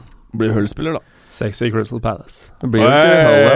Er de, de pleier å sende dit i Hull. Ja, en, eh, eller, eller, kan, eller kan han være en sånn spiller som, hvis du setter ham på en eh, kontrakt hvor han har variabel lønn etter prestasjon, kan faktisk få mye ut av? Men det er vel vanskelig å endre arbeidsavtalen etter at den er inngått. Nei, men tenk på for en ny, for en ny ja. klubb, jeg. Ja. Fordi mak maksnivået hans når han er motivert, det er ganske høyt, Men, altså. men tenk dere, hvis man baserer en klubb på akkurat det prinsippet du beskriver der, Berger, Ja, og så smeller du inn Mm. Sissoko, Adebayor, Cézignon Plutselig så får du faen meg det laget. Du har plutselig en gjeng world beaters. Ja.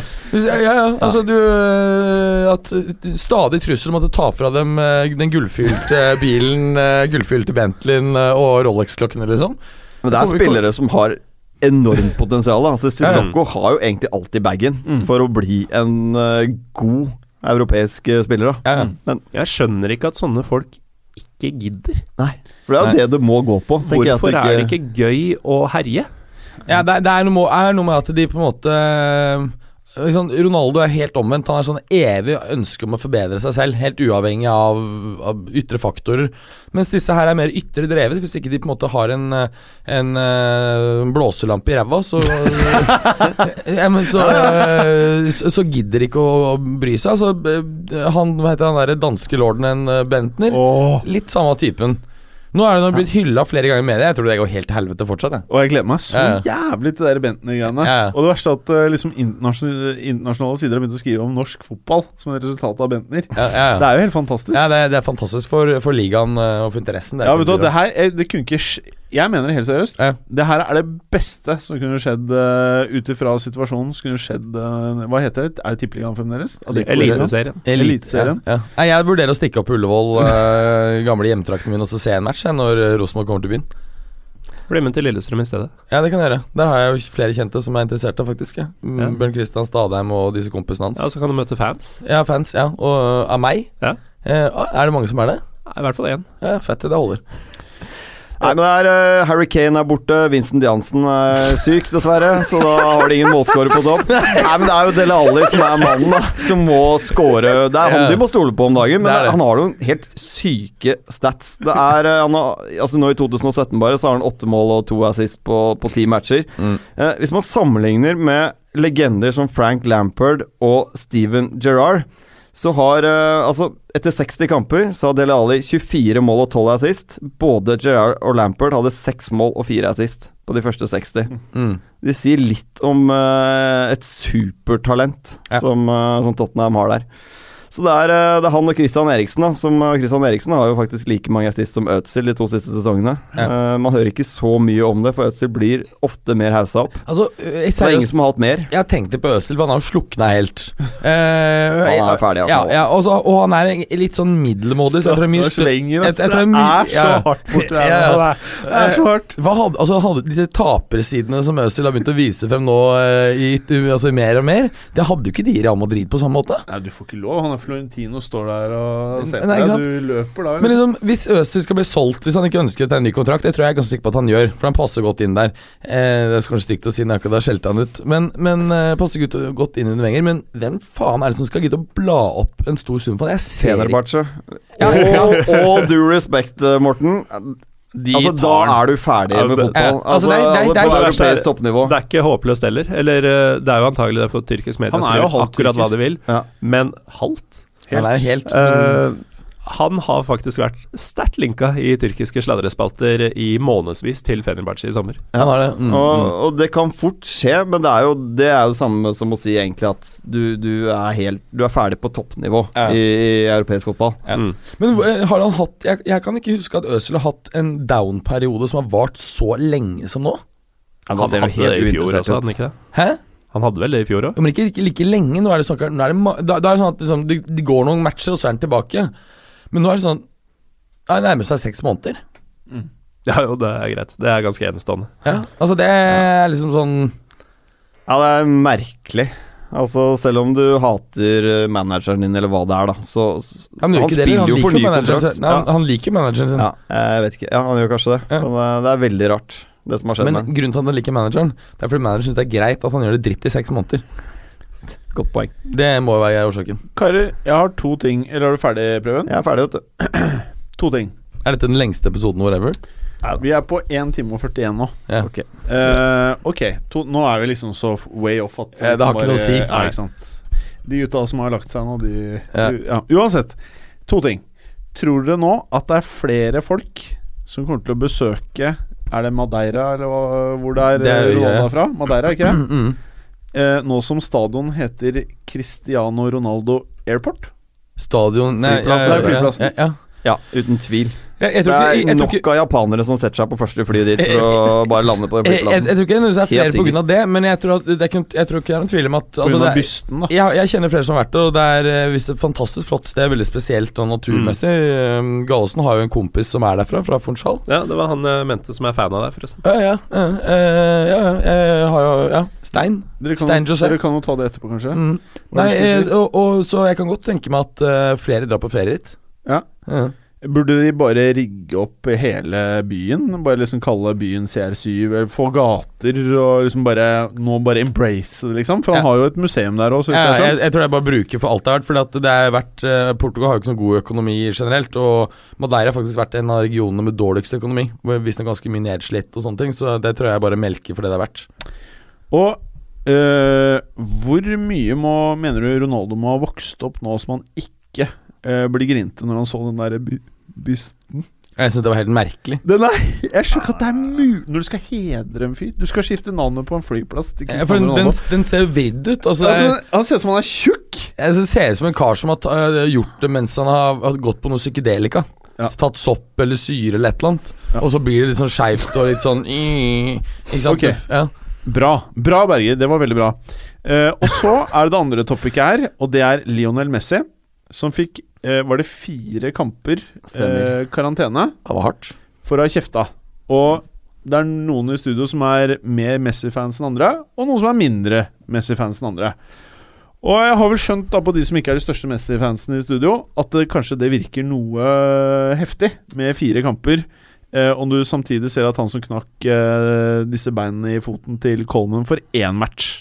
Mm. Nei, Jeg syns det virker helt meningsløst. Og jeg kan ikke tenke Altså jeg kan ikke skjønne annet enn at det ligger et eller annet annet bak der fra Fifa sin side. At det er noe Om det er noen straff mot det argentinske fotballforbundet, eller om det er noe at Barca-spillerne gikk dreit i den jævla premieutdelingen av gullballen, eller hva faen det var for noe for litt siden. Vet ikke. Nei, det, det, Det virker, virker virker, virker urimelig, rett og slett. Og hvis det ligger noe annet bak det, så blir det jo dobbeltfeil. Ja, ja. Så Insinuerer dere at eh, det er urent trav Nei, nei, nei, nei. uttrykket urent trav. Skal vi ta en, eh, bare for å avslutte tidenes lengste fotballuke, så bare skåle med en eh, Hva den heter igjen? Jeg orker ikke Ja, mer. Det- jeg- kan ta din Preben, for jeg, jeg har drikket opp Ja, Å, fy faen, det lukter jævlig Vet Det lukter så Hva den heter igjen? Sjalgam. Nei, nå, nå syns jeg det begynner å lukte ganske fresht litt. Jeg kjenner Skal vi ta en skål da, folkens? Ja. Sjalgam, Sjalgam. sjalgam, Sjalgam. sjalgam, sjalgam, sjalgam, Preben. Sjalgam. Og med det så sier vi takk for i dag, eh, Berger. Og var velsmakende. Velsmakende sjalgam. Takk for i dag. Takk for i dag. Så det gikk etterpå. Takk for i dag. Takk for i dag. Og takk for i dag. Takk for at du hadde høre på. Vi er Fotballuka på Twitter, Facebook og Instagram. Følg oss gjerne. Men bare få høre. Den tror jeg blir litt fet.